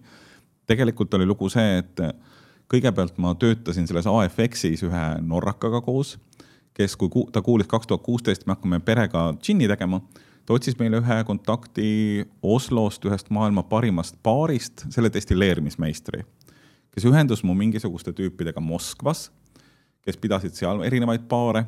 ja siis, kui ma olin Moskvas mingisugusel tehnoloogiakonverentsil, need tüübid viisid mu kokku ühe oma tuttava Tšehhiga, kes oli selline, ma ei tea, wannabe baarmen, hästi tore tüüp, kes tunneb hästi palju inimesi Tšehhimaal ja noh, selles mõttes, et kuskil Moskvas november, ma arvan, võib-olla kaks tuhat seitseteist, kell kaks öösel kuskil me midagi jõime kuskil kokteilibaaris onju. ja see on viinud selleni, et täna me oleme Tšehhi turul, aga et muidugi see on mingi otsetee. noh, Norra, no iga, igal, noh ring, ringid on nagu väga-väga pikad mm. -hmm. või teine tore lugu oli, käisin eile, kohtusin äh, Dmitri Demjanoviga, kes korraldab Tallinnas seda. Castro kokkade, seda globaalset kokkade võistlust järgmine aasta. Castro, Castro kokad ja mis mingi Bok, Boku d'Or või mis okay, iganes okay,, noh, globaalne üritus. Kus tema, kus tema oli meist kuulnud? selle globaalse ürituse Prantsuse turundusdirektor ütles talle, et palun võta ühendust Lahentakega, nad teevad ühte kihvti jooki, mis meil siin Pariisis on müügis. et noh, maailm on, maailm on ühendatud, maailm on jube globaalne ja, ja seesama asja, nii-öelda ajakirjanduse õppetunde veel, et kõikidele noortele ajakirjanikele, kes Reutersisse tööle tulid, mu üks esimesi õppetunde või põhiõppetund oli see, et minge, minge välja, kaduge siit toimetusest. Okei okay,, toimetaja töö on istuda toimetuses, aga reporteri töö ei ole istuda toimetuses, lood on kõik kuskil väljas. sama loogika nagu soovitus kõigile ettevõtjatele, et arvuti taga on tore, tore kodus tööd teha, aga tegelikult minge välja, kohtuge nende inimestega, rääkige nendega, te saate teada, mida nad vajavad, kuhu nad vajavad, kuidas nad vajavad ja tehke mm. neile neid toote, mida nad vajavad. okei okay,, teeme veel praktilise, okei okay,, ma olen ettevõtja, ma lähen välja kliendiga rääkima, mida ma küsima pean? Et kuidas ma seda alustan, kas su toode, kas, kas, kas meie toode meeldib sulle, miks sa ei osta rohkem? miks sa ei osta rohkem, see on, see on jube hea küsimus, aga mul täna tegelikult ma ei jõudnud nii kaugele, kui ma oleks tahtnud jõuda selle jutuga, aga täna ma paaris, paaris kohas käisin, kes müüvad meie tooteid või mõtlevad meie toodete müümise peale. Hea kuulaja, et teeme siin väikse pausi, et tänada saate sponsorit, kelleks on LinkedIn koolitused.ee ja LinkedIn on hetkel maailma kõige suurim rahvusvaheline business to business platvorm. Seal on üle kuuesaja miljoni inimese ja hästi oluline, kui sa seal tegutsed, on saada usaldust ja usalduse sa saad siis, kui sul äh, enda profiil ja ettevõtte profiilid on korras ja sealt on võimalik leida endale äripartnereid, rahvusvahelisi kliente. ja ma, kui sul on soov see endale tööle panna, siis mine linkedinkoolitused.ee, loe seal blogi, podcast'e ja võta ühendust, aitäh. Äh, ma arvan, et äh, jah, täna ma käisin paarist kohast läbi ja ma arvan, et nagu mõte, mis oli, oli, on see, et ma müün jooke baaridele.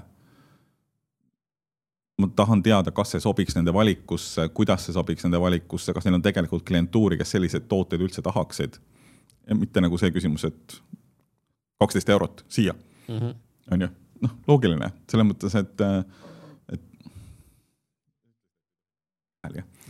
no vot, on ju, teinekord tuleb noh et äh, ei no vaata lihtsalt ma kujutan ette, vaata seda öeldakse, et räägi, rääkige klientidega on nagu väga paljud öelnud, aga lihtsalt, et ma. noh, sina kui ajakirjanikuga on ka hea teada, et, et kuidas nagu klientidega rääkida üldse, et, et see on ka tegelikult omaette võlu, see ei ole lihtsalt see, et, et ma nüüd.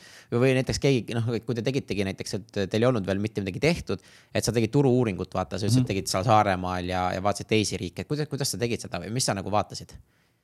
Ma käisime, käisime, tegelikult, tegelikult esimene asi oli, me käisime to teiste tootjate juures vaatamas, et kuidas nad need asjad on üles ehitanud. mis, mis, mida on vaja olnud, milliseid oskuseid on vaja olnud, sest noh, minu taust on ajakirjanik, mu abikaasa taust on moekunst. et see oli kuidagi loomulik, et me hakkame destilleerimisvabrikut ehitama, on ju. täiesti. aga noh, me oleme jõudnud kaks tuhat kuusteist alguses selleni, et äh, Maarit on käinud, mu abikaasa on käinud läbi Soomes joogitehnoloogi koolituse ja nüüd õpib Šotimaal nii-öelda testi, destilleerimismeistriks koolis, mille taolist nagu Põhjalas ei ole ükski naine läbi käinud, Soomes on mõned inimesed käivad seal selles samas koolis äh, Edinburgh'is. et, äh, et selles mõttes lä-, lähme asjale nagu süvitsi. üritame võtta asja võimalikult sügavalt, et saada aru, kuidas see asi töötab, kuidas seda asja kõige paremini teha. et toode, mille lõpuks lauale panna, noh nagu näiteks see pudel siin, et see, see on lõpuks see, mida ma võin nagu rõõmuga või ausalt või inimestele pakkuda. Mm.. nagu pigem on see, et ja noh, ta käib praegu nüüd te olete juba mitu aastat äh, toimetanud, on ju, et alguses ei ole ju kõiki neid valikuid või noh, finantse, et, et sa ei saa ju saata igale poole maailma kuul-, noh, sihukest, sihukesesse kooli, et on ju, aga pigem on see, et, et te tegite just selle tuur-, mulle väga meeldis, et justkui, et käisite konkurendid nii, mitte konkurendid, aga noh, teised tootmistehased mm. läbi, et, et, et noh, et võtsite selle aja ja, ja vaatate, mis nagu toimub, sest ma ütlengi, noh, taustad teil tõesti ei ole vaata siuksed, oo, et sa võiks tõesti nüüd, minu jaoks on see täiesti normaalne, et te teete, teete sellepärast, et. et just seesama ongi, kui sa oled moedisainiga, see on juba jube hea, ta on juba kujundaja põhimõtteliselt valmis, tema oskab neid silte, kõiki neid poolt vaadata, sina ajakirjanikuna. sinu oskused on jälle see, et, et sul on just see kontaktivõrgustik, kuidas teha nagu, kui me avame selle, sa tead täpselt, kes on need ajakirjanikud, kuidas ajanik, kirjanikud kirjutada et nad sinu uudis või selle postituse, et Saaremaal avatakse, et, et saaks seda meedia tähelepanu või mis nurga alt läheneda. minu meelest need on nagu noh, turundus on kõige suurem asi, mida tegelikult startup'id üldse ei tee, vaata, kui nad alustavad. Mm.. ja kui sa selle paned alguses kohe tööle, see on see, kus ma jälle näen, et mis sa selle co-founder'iga, et sa kõigepealt müüd maha selle toote ja siis sa hakkad tegema, et sa ja see on nagu oskus, mis on nagu täiesti fant-, imeline, kui hakkad seda tehast tegema, sa müüd kõigepealt selle idee maha, vaatad, mis vastukaja on. Mm -hmm. ja näed, et inimestel on huvi, paned okei okay,, toode on valmis mingi mm. kuue kuu pärast on ju, et me paneme teid nimekirja ja sa saad juba nagu mm. tööle vaata. just, et noh, me tegelikult natukene, natukene nii tegime ka suuremas plaanis, et mm. selle kaks tuhat kuusteist oli idee, kaks tuhat seitseteist meie esimene toode oli turul, mille jaoks me kasutasime, ma ei tea, allhankijad tootmiseks et äh, lõime retsepti ja ürdid ja kõik need olid saarelt, aga me tegelikult kasutasime Euroopas allhankijat, kes selle toote valmis destilleeris tõime selle müüki, testisime, testisime, kuidas kogu müügiasi töötab, kuidas alkoholi müüakse üldse. ja siis, kui meil oli see toode tegelikult päriselt nagu poes, päris käive oli ettevõttes, siis läksime investorite juurde, et kuulge, et meil oleks natuke raha vaja, et osta oma masin.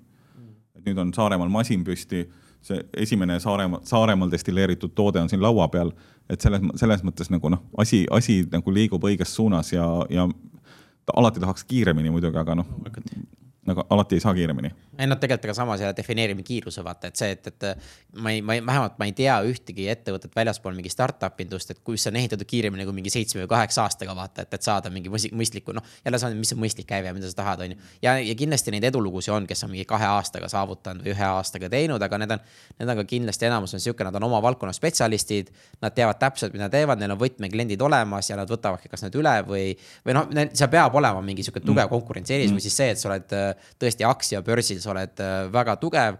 sa hakkadki mingi summaga pihta ja sa oskad, oskad lihtsalt neid õigeid nuppe vajutada, ma arvan, neid on mingi null koma null üks protsent noh inimestest. tõsi, ja ma lisaksin nagu nende edufaktorite hulka veel õnne mm.. on, on, on nagu inimesi, kellel puhtalt veab millegiga, et äh, joogitööstuses samamoodi, et äh, Soome väiketootjatest suurimaks kasvanud Küro noh, neil vedas sellega, et nad kaks tuhat kuusteist võitsid ühe hästi suure konkursi kuskil USA-s vist ja nad suutsid selle pöörata, see oli juba oskus, et nad suutsid selle võidu pöörata nagu oma turundusvankri ette ja sellest nagu suure su,, nii-öelda oma ettevõttest suure ehitada, ma arvan, et aasta jooksul pärast seda ühte võitu.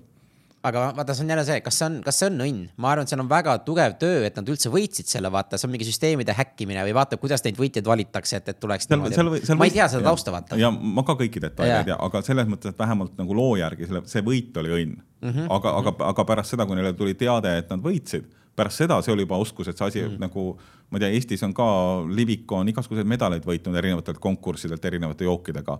ja noh, ilmselt nagu mingit mõõt, mõõtu nad on suurem kui Küro võib-olla, aga mitte nagu oma brändi tuntuse poolest globaalselt, ma arvan. aga mis see Küro nagu siis, mis, mis nad tegid selle, et nad selle võidu niimoodi muutsid uh,? Ja mis ma, see, mis õppetunnid sina sealt võtsid, et nüüd, kui ütleme, Lahtendaga võidab siin mingi rahvusvahelise selle, kuidas sina nagu?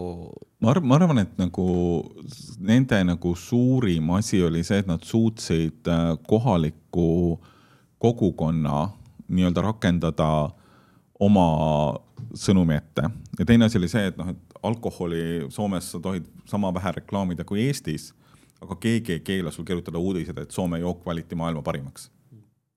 Nad suutsid nagu põhimõtteliselt selle uudisega, et Soome jook valiti maailma parimaks, murda läbi kõikidest meediakanalitest. aga kuidas nii?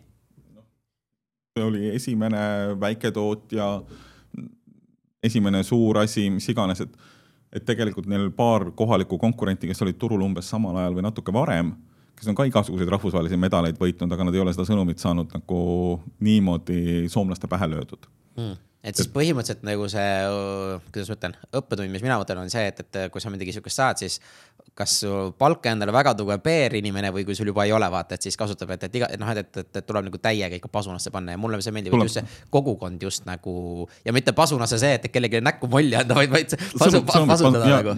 ja kindlasti, kindlasti ja, ja, ja seda see ei lähe meie loomusega kokku ju noh, soome-ugrilased nagu me oleme, et noh, jube raske on rääkida, et me oleme jube head. No on jube raske rääkida, on ju noh. me oleme mõne, mõnda aega startup maailmas tegutsenud, me natukene oskame võib-olla või julgeme natukene mm. julgemalt rääkida sellest, et me oleme jube head, aga. või aga... ma olen jube kehv, noh, ma, see, see on ka, et noh, et, et need on need hirmud jälle, ma tean, et ma teatud asjades ma olen ikka väga kehv, no ikka mm. tõsiselt, noh mm., kohutav, noh. aga see on keeruline aga, aga tuleb nagu fokusseerida, sa tead, et sa iga asjaga ei saa nagu, iga väikse medaliga ei tasu nagu väga suurelt hüpata. samas jälle su- ja, ja samas jälle suurte asjadega tasub, suurtest asjadest tasub rääkida. et selles mõttes see on nagu hästi-hästi loogiline ja absoluutselt. Ja no, no ja ma mõtlengi, et noh, koer liputab ka oma saba, noh, et, et tore, kui teised nagu räägivad, räägivad sinust, see on alati positiivne, aga sina pead selle nagu narratiivi andma, millest rääkida, et see on nagu hästi oluline. sa pead narratiivi andma, millest rääkida, sa pead selle asja tavaliselt selle palli ise käima lükkama. Mm.. tavaliselt noh, nad ei hakka kõik sinust rääkima, ilma et keegi neile räägiks kõigepealt sinust, eks ju. täpselt on ju, ja no ma räägin, et minu jaoks on nagu hästi hea näide Eestis veel nagu teine selline tööstus on Cleveron noh et äh, neli aastat või kolm aastat tagasi keegi ei teadnud mitte midagi ja nad toimetavad minu meelest ikka mingi kaks tuhat kolm aastast või kaks tuhat neli aastast, no ta, ta on jube, jube, jube vana ettevõte, vaata. aga, aga, aga see ongi, mis ma arvan, et Eesti tööstused on nagu, ma ütlen ausalt, et äh, kohutav, et nad ei räägi iseendast, sest kui sa praegult lähed, ütle mulle mõni tööstusettevõte, sa tead, on ju paari tükki ja siis üks nendest on kindlasti Cleveron. ja siis keegi teine veel, võib-olla sa tead Krimelte või siis äkki mingisugune noh, või siis Graanul Invest või, või no mingid siuksed suured nimed, kes on mm. lihtsalt nagu korra meedias käinud, on ju, aga see on kõik aga tegelikult Eestis on nagu meeletult palju nagu tööstusettevõtteid ja kui sa ise ei räägi endast mitte midagi, siis kuidas sa soovid, et sa leiad endale uusi töölisi või kolleege või sa, sa leiad endale uusi koostööpartnereid, jah, sul on mingi müügimeeskonnad, aga oleme ausad, tänapäevases sotsiaalmeedias ma ise ka tunnen, et kui sa ikkagi selle ühe õiged sõnumid ja õiged, õiged nagu loosungid nagu paned välja ja, ja kuidas ma ütlen, nagu tuututad neid piisavalt palju, siis tegelikult see hakkab inimestele nagu pähe kuluma ja see on see, kuidas Clever on nagu minu meelest mm. nagu fantastiliselt töötab, sest. ja minu meelest neil on ka see töötajate keskmine vanus on mingi kakskümmend üheksa või ma, ma ei kujuta ette, et no ma täpselt, keegi mul lihtsalt mainis, et see mm. uued insenerid, kõik tahavad minna sinna et, et see, no aga see ongi, aga see on meedia, mis nad on teinud, et nad leidsid selle Walmartiga ja siis hakkas sealt edasi tulema. nüüd nad teevad innovatiivseid asju, liiguvad kiiresti, nüüd on vist oma mingi Cleveroni akadeemia seal, kus nad ise mm -hmm. nagu inimesi välja koolitavad, noh, et see näitab jälle, kuidas tegelikult ju. ja see, ja see niimoodi, see niimoodi on see, et, et mis mina näen, et sa tekitad seda, et sinu ettevõttega jääb ellu viie või kümne aasta pärast, mitte see, et, et ma mõtlen, et kuidas siin järgmine aasta ellu jääda, aga sa pead ikkagi seda suuremat pilti võtma ja meedia tegelikult ikka kujundab seda ikka väga palju. Ja ma olen sinuga igati nõus selle koha pealt ma ei tea, kas see on see ajakirjanik minus või ettevõtja minus, aga, aga, aga ma olen täiesti nõus sellega. ja, ja, ja see, et ja noh, muidugi väljakutse on see, et sa tahad, et su ettevõte on kümne aasta jooksul, kümne aasta pärast olemas ja saja aasta pärast eh, nagu. just nimelt, siis sa tegelikult tahad ka nagu seda, et su ettevõttest ei räägita ainult täna, kui sa midagi võitsid, vaid sa tahad, et räägitakse kogu aeg mm. -hmm ja see on juba väljakutse, see ennem kui sa rääkisid müüjat, müüja, müüjate tiimist, siis nagu mm -hmm. noh, ma arvan, et klassikalises ettevõttes, keskmise suurusega ettevõttes, kui sul on kümme müüjat ja sul ei ole ühtegi sotsiaalmeedia inimest, siis on midagi valesti. Anna kahele müüjale kinga ja palka kaks sotsiaalmeedia inimest, sa hoiad rahas ilmselt kokku ja sa, need kaheksa inimest teevad rohkem kindlasti tööd kui need kümme inimest lõpptulemusena mm.. ma ise leian, et äh, peaks olema noh, et need tiimid ei tohi olla see, et sul on kümme müügiinimest, võiks olla see, et sul on mingi kaks müügiinimest, üks turundusinimene, üks PR inimene või midagi sellist, et noh. ja minu meelest palju ägedam on, mis ma ka Transferwise'is tean, et tehakse neid äh, meeskondi, et ongi viis või kuus inimest on ühes meeskonnas, aga, aga ongi, et äh, ongi seal meeskonnas ütleme kolm inimest on ju, noh, müük on minu jaoks nagu võti, et ilma müügita su ettevõte ei tööta, ongi mm., et näiteks kolm inimest on müügis, üks on siis turundaja, siis üks on, paneme veel mingi äkki mingi programmeerija, oleneb, kui on tehnoloogiaettevõte ja siis üks on mingi tootmises näiteks. ja kõik need inimesed teevad tegelikult koostööd tegema, sest neil kõigil on sama eesmärk, kuidas ettevõtet äh, kasvatada mm.. ja nüüd ongi see, et minu meelest kõik nad peavad äh, tööd tegema koos, sellepärast et kui mina müügiinimesena ju luban igasuguseid asju välja, loomulikult Tarmo teeb seda ja loomulikult saab kõike sihukest asja. ja siis ta tuleb pärast kuskilt e-mailiga kuskil, kuule, et näed, Indrek lubas siukseid asju, siis sina kuradi kisud juuksed ja habe välja, et mis kuradi asju ta lubab, on ju, et no ja nii need hakkavad tulema ja siis turundus ju peab teadma, et milliseid inimesi müügiinimene otsib et äh, tuua talle õigeid inimesi sots läbi sotsiaalmeedia, et noh, et kõik mm. nagu käibki niimoodi minu meelest nagu täiesti koos ja minu meelest on täiesti okei okay,, kui on viis või kuus sellist meeskonda, et nad kõik ajavad erinevate klientidega. Et kui noh, suuremas ettevõttes mm, -hmm. et minu meelest noh, siuksed, siuksed ei pea nii suured tiimid olema, võib-olla ka kaks inimest, üks on mhm. müük ja teine on turundus, et -hmm. okei okay,, ütled turund-, müük ütleb turundusele, kuule, ma tahan siukseid inimesi, et mõtleme, kuidas turundusega nagu välja, et. et see, mul lihtsalt äh, vaatan neid traditsioonilisi ettevõtteid, kuidas neid turundus on ühes toas, müük on teises toas, on ju, mõnikord ka nähakse, on ju, köögis öeldakse tere, on ju, ja siis on see, et, et turundus ei tee oma tööd, müüki ei tee oma tööd, noh, et, et, et kuhu see viib nagu et see on kohutav tegelikult. ei vii mitte kuskile ja teine asi on, siis on, siis on veel lisaks turundusele veel kommunikatsiooniosakond eraldi yeah ja, ja nad ei suhtle. ja, kõik, kõik, kõik ja kõik teevad oma asja, vaata, aga, aga kõik on ühes ettevõttes, meil peaks olema ühine eesmärk, aga kõik teevad oma mätta otsast. Mm, ja siis kõik näiteks neljapäeva pärastlõunad kuluvad sellele, et kõik kolm tiim, kõigi kolme tiimi juhid saavad kokku ja arutavad omavahel. ja siis kogu reede kuulub selle neljapäevase koosoleku tulemuste jagamiseks tiimiga. ja siis esmaspäeva hommikul alustatakse jälle puhtalt laualt yeah et noh, eks see niimoodi kõlab, läheb suurettevõttest, väikestes, väikse ettevõttega on muidugi rõõmsam, et saab teha palju, palju rohkem asju, palju mm. kiiremini ja palju kaugemale et äh, ja, ja see, see ma näengi, et see on sihuke lean, lean metodo-, metodoloogia ja, ja noh, mis ma veel tahan nagu rõhutada veel siin nagu juhtida, miks ma väga palju just minu jaoks see loogiline oligi, et sina oled, on ju ajakirjaniku taust, kui naine on sul moetaustaga, miks minu jaoks on loogiline vaata, et tehakse, et ma ütlengi teistesse ka, et, et kõik teie oskused on nii-öelda, ma tahaks öelda inglise keeles transferable või edasikanduvad mm. seal ükskõik mis ettevõtet sa ei tee, et tegelikult et kui sa oled olnud, äh, ma ei tea, keevitaja on ju, aga sa ei ole kunagi ettevõtte juht olnud, see on jumala, jumala okei okay,, vaata, sellepärast äkki see keevitamises sa saad, sinul on hoopis teised oskused, mis sa sealt õppinud oled. ja leiadki endale teise, kes sind nagu äh, toetab ja kes nagu, kuidas ma ütlen siis äh,, teeb tugevamaks teised küljed mm. -hmm. et see on minu meelest noh, lihtsalt ma tunnen jälle seda väga palju, nagu me ennem ütlesime, et äh, mõeldakse üle lihtsalt, et äh, et mis mina näiteks võib vabalt mõelda, mis mina ajakirjaniku ettevõtlusest või džinnist tean, noh, mitte muhvigi tea mm., aga sul on, suhtumine on just sul see uudishimu, vaata, et, et. Mm. jõuab õppida. täpselt ja sellega ja see nagu minu meelest viib selle nagu võiduni, sellepärast et äh, võimalusi meil tänapäeval õppida on ikka nagu seinast seina, vaata, lihtsalt on see, et kas sa viitsid või sa ei viitsi. piire ei ole, täiesti, hästi selgelt ei ole piire mm.. et, et see on nagu hästi huvitav, aga ütle mulle, kus, mis sa ise praegu tunned, et kui sa seda äh, seda uut nagu ettevõtet alustasid, kust need kõige suuremad väljakutsed alguses just tulid, et sa tegid seda konkurentsianalüüsi ja siis ikka noh, mis sa veel leidsid? kõige suuremad väljakutsed, ma arvan, minu jaoks kõige suurem väljakutse oli see, et, äh, et see on nii vana tööstus, kus on mm. nii vanad struktuurid. alguses nagu väljastpoolt tulles ei saagi nagu tegelikult aru sellest, et noh, e-, eile näiteks rääk- või täna hommikul rääkisin ühe Tallinna baariga meie uuest tootest, mis on Eesti esimene mittealkohoolne džinn paar äh, ütleb mulle, et jah, aga meil on leping äh, Diageo World Classi mingisuguse sarjaga, mis keelab meil midagi peale ühe nende toote pakkumast selles sektoris. et noh, what the fuck? et elame küll nagu vabas maailmas või mm. mis iganes, aga noh, ei baarimaailmas seda nii ei ole, et siinsamas, samas majas on baar, äh, kus korraldati Tallinn Music Weeki mingisugust üritust me käisime läbirääkimisi Music Weeki kaudu selle baariga, kas me tohime sponsoreerida ühte kontserti. aga kuna selle baari turunduseelarve on kinni maksnud üks Eesti suurtest äh, alkoholi, alkoholidistribuutoritest, ma arvan, et Brike, siis äh, oli, et ei, mitte mingil juhul ei tohi Lahendake üritust ei tohi olla siin majas asuvas baaris. et noh, siuksed nagu noh et jah, et kui, kui, kui sa lähed oma kodubaari ja küsid Lahendaket, siis võib olla põhjus see, et lihtsalt mõni suur distribuutor on su baari kinni maksnud ja sellepärast seal ei ole. Pigem on see, et, et siis tuleb just seda kasutada, et kogukond nagu taha saada ja saata vähemalt iga õhtu mingi kakskümmend inimest, kes kõik seda küsivad, vaata, et siis baar saab aru, et okei okay,, midagi on nagu tuksis, vaata. jah, see, me oleme selle mõttega mänginud, et peaks korraldama need lahendake päevad, et palume oma sõpradel, ma ei tea, kord kuus igal teisel reedel küsida oma baaris lahendaket igaks joogiks, on ju aga kas te olete ise nagu, aga kuidas te turul, noh, ma ütlen, kui need, ma saan aru, alguses on need eksklusiivlepingud igal pool ees, et kuidas, kuidas te ise nagu nendest mööda olete nagu, noh, ma ei ütle, et te mööda tulete, aga, aga mis on need kuidas võtta siis need kreatiivsed lahendused, mida teie teete äh,?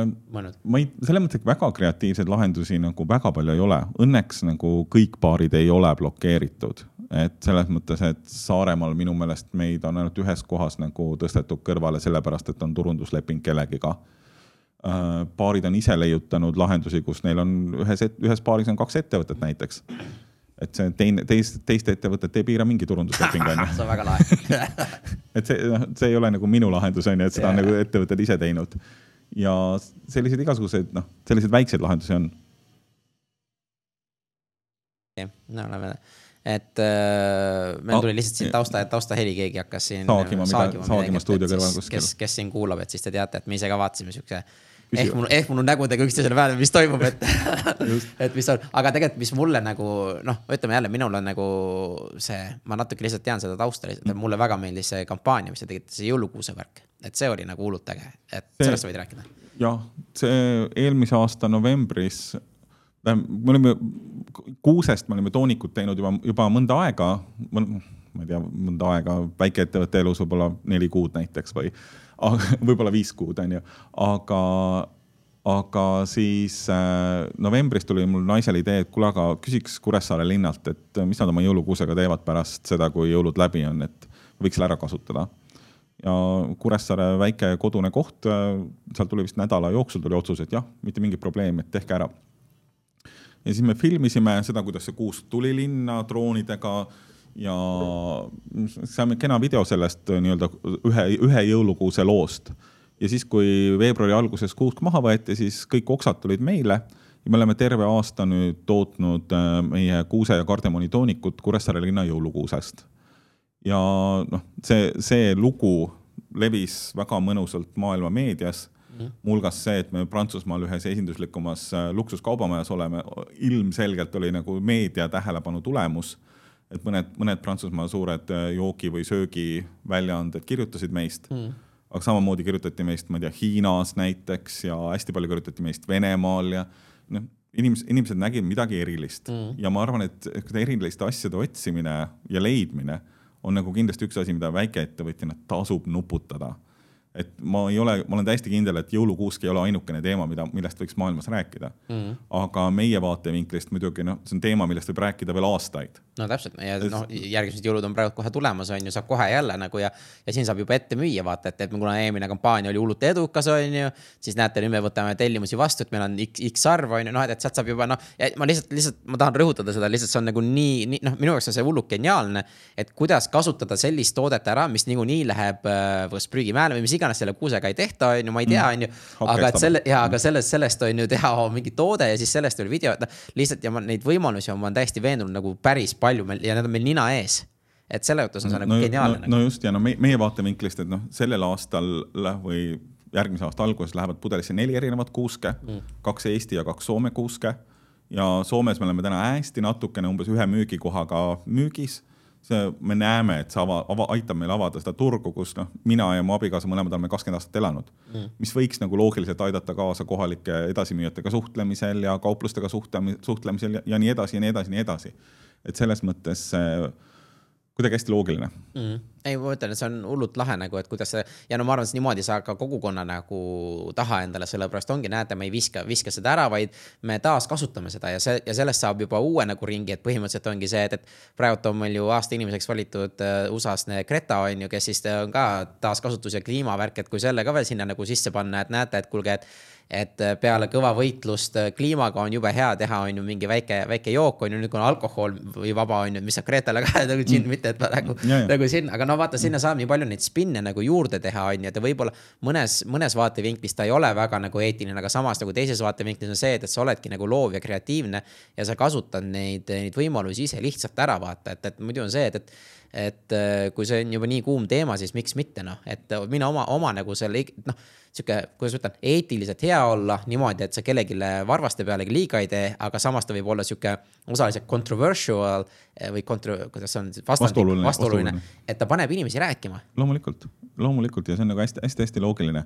ja, ja noh, teine asi see, et sa väikeettevõtjana üritad nagu otsida asju, millest inimesed saaksid rääkida ja sa üritad otsida asju, mis oleks inimestele suupärased rääkida et nagu meie väljakutse oli see, et või noh, praegusel hetkel tegeleme väljakutsega, et panime toonikule uue nime mõtlesime, et kuna tarbijate hulgas on palju lapsi, kuna lahendake tegeleb ka alkoholiga, see oleks ikka jube hea nii-öelda eetilisest lähtekohast need asjad nagu hästi selgelt eristada mm..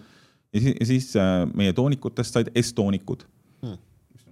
kuidagi nagu eriti välisturgudel inimestega, müüjatega rääkides nagu hästi loogiline, et tulete Eestist, et S-toonik, loogiline, et noh. Ma arvan, et kuskil just see Kanada ja Uus, Austraalia, kus on Eesti tugevad kogukonnad, et seal võib olla nagu päris jumala äge nagu mm ja ei no selles mõttes ka, aga ta eristab, et Täiega. üks, üks asi on see, et ta annab mingi, noh, ta annab juured juba seal nimes, samas ta ütleb ära ka, mis asi see on mm. -hmm. et selles mõttes ma arvan, et nagu jumala, mul on nagu ootused päris kõrgel mm.. et äh, ei no ausalt, ei, see on väga hea bränding, et ma et isegi jäin mõtlema, et tegelikult see on jube hea asi ja see on jälle sihuke asi, näed, et me toome ka kingitusi, mis iganes, vaata inimesed saavad tuua, et noh. ja ma leian juba, need lähevad täpselt samamoodi nagu vaata vanasti need Liiviku või noh, siiamaani on Liiviku need viiekümne millised pisikesed pudelid. samamoodi Estonikud võivad olla sellised tulevikud, näed, et see on alkoholivaba on ju, siuksed ja lastele väiksed, et need on kerge nagu transportida. et võivad olla vabalt sellised järgmise müügi ja joogiartiklid, vaata, et, et mm et äh, nimi on palju parem, kui ongi, et äh, noh, Vana-Tallinn on loomulikult äh, tugev legend juba, on ju, aga samas jälle Estonica on tegelikult jumala äge öelda, vaata. Mm.. ja, ja seda saab juba kindlasti ka mingi, tulevad mõtted, kuidas digiriigiga nagu seda veel nagu kuidagi ühendada, on ju, noh, et mm. ma ei tea, sa ise oled selle peale kindlasti juba mõelnud, on ju, sul on mõtteid, on ju. Digiriigiga ma väga palju veel ei tea, et noh, digitaalsed joogid ei ole nagu eriti maitsvad, ütleme ausalt ma tean, nad on vait elamas. ei, aga digitaalselt saab lihtsalt, äh, lihtsalt see, et, et äh, no tur, turundada pigem saab juba mingi, sa saad näiteks digitaalselt endale mingi, kas siis nagu selle, läheb pilt üles ja teeme sulle nagu spetsiaalsed nagu need sinu nagu mustritega pudelid, mis iganes, Estonic mingi. Noh, et, et oled digi, noh, et sealt saab tegelikult digi see, et näete, kui näete, kui innovaatiline Eesti on, et äh, põhimõtteliselt te saate isegi online'is endale kuradi džinni peale oma kuradi pildid lasta, et, et noh, see on no. digiriik, et kõik, mis võimalikud on, vaata, et see noh, et mm., ma lihtsalt mõtlen, et, et see loomulikult jälle ei pea juhtuma ega midagi, aga ma lihtsalt mõtlen, et neid vaata võimalusi on hullult palju, kuidas nagu erinevatest teemadest osa võtta ja, ja, ja, ja purjetada nendega. hästi, hästi palju on neid teemasid ja sellepärast ongi nagu väikeettevõte, sa pead valima, sa pead nagu ja hästi keeruline on see, et kui sa midagi valinud, siis tegelikult sa pead nagu jooksma ka sellega mm kuuse lugu on jube kihvt, aga tead, noh, nagu ikka mingil hetkel ise hakkab mõtlema, et kurat, eelmine aasta juba rääkisime kuusest, mis see aasta teeks. aga tegelikult nagu noh, suur osa inimestest ei, ei tea mitte midagi, et jõulukuusest võib toonikut teha mm. -hmm. et noh, neil tuleb seda üha uuesti ja uuesti ja uutest kanalitest ja uutele sihtgruppidele ja uute meediakanalite kaudu ja. täpselt ja, ja noh, selles mõttes niimoodi sa ehitad seda brändi ju. ja ma arvan, et see teema võib vabalt mingi viis-kuus aastat vaata, ige, isegi veel kauem, et tegelikult mm. mõtle vanasti, varsti on see, et, et näed, et jõuluvana, jõuluvana kuusk läheb äh, recycle'isse kohe, et tehakse mingi toonik on ju, S-toonik on ju, et mm., noh, et ta on juba Eesti jaoks juba hea see reklaam ju. just ja siis noh, lõppude lõpuks võib mõelda, kuidas seda franchise ida nii, et sa ise ei pea seda jooki tegemagi mm.. Et äh, erinevate linnade jõulukuused võiks nagu kohalikes joogivabrikutes valmis teha.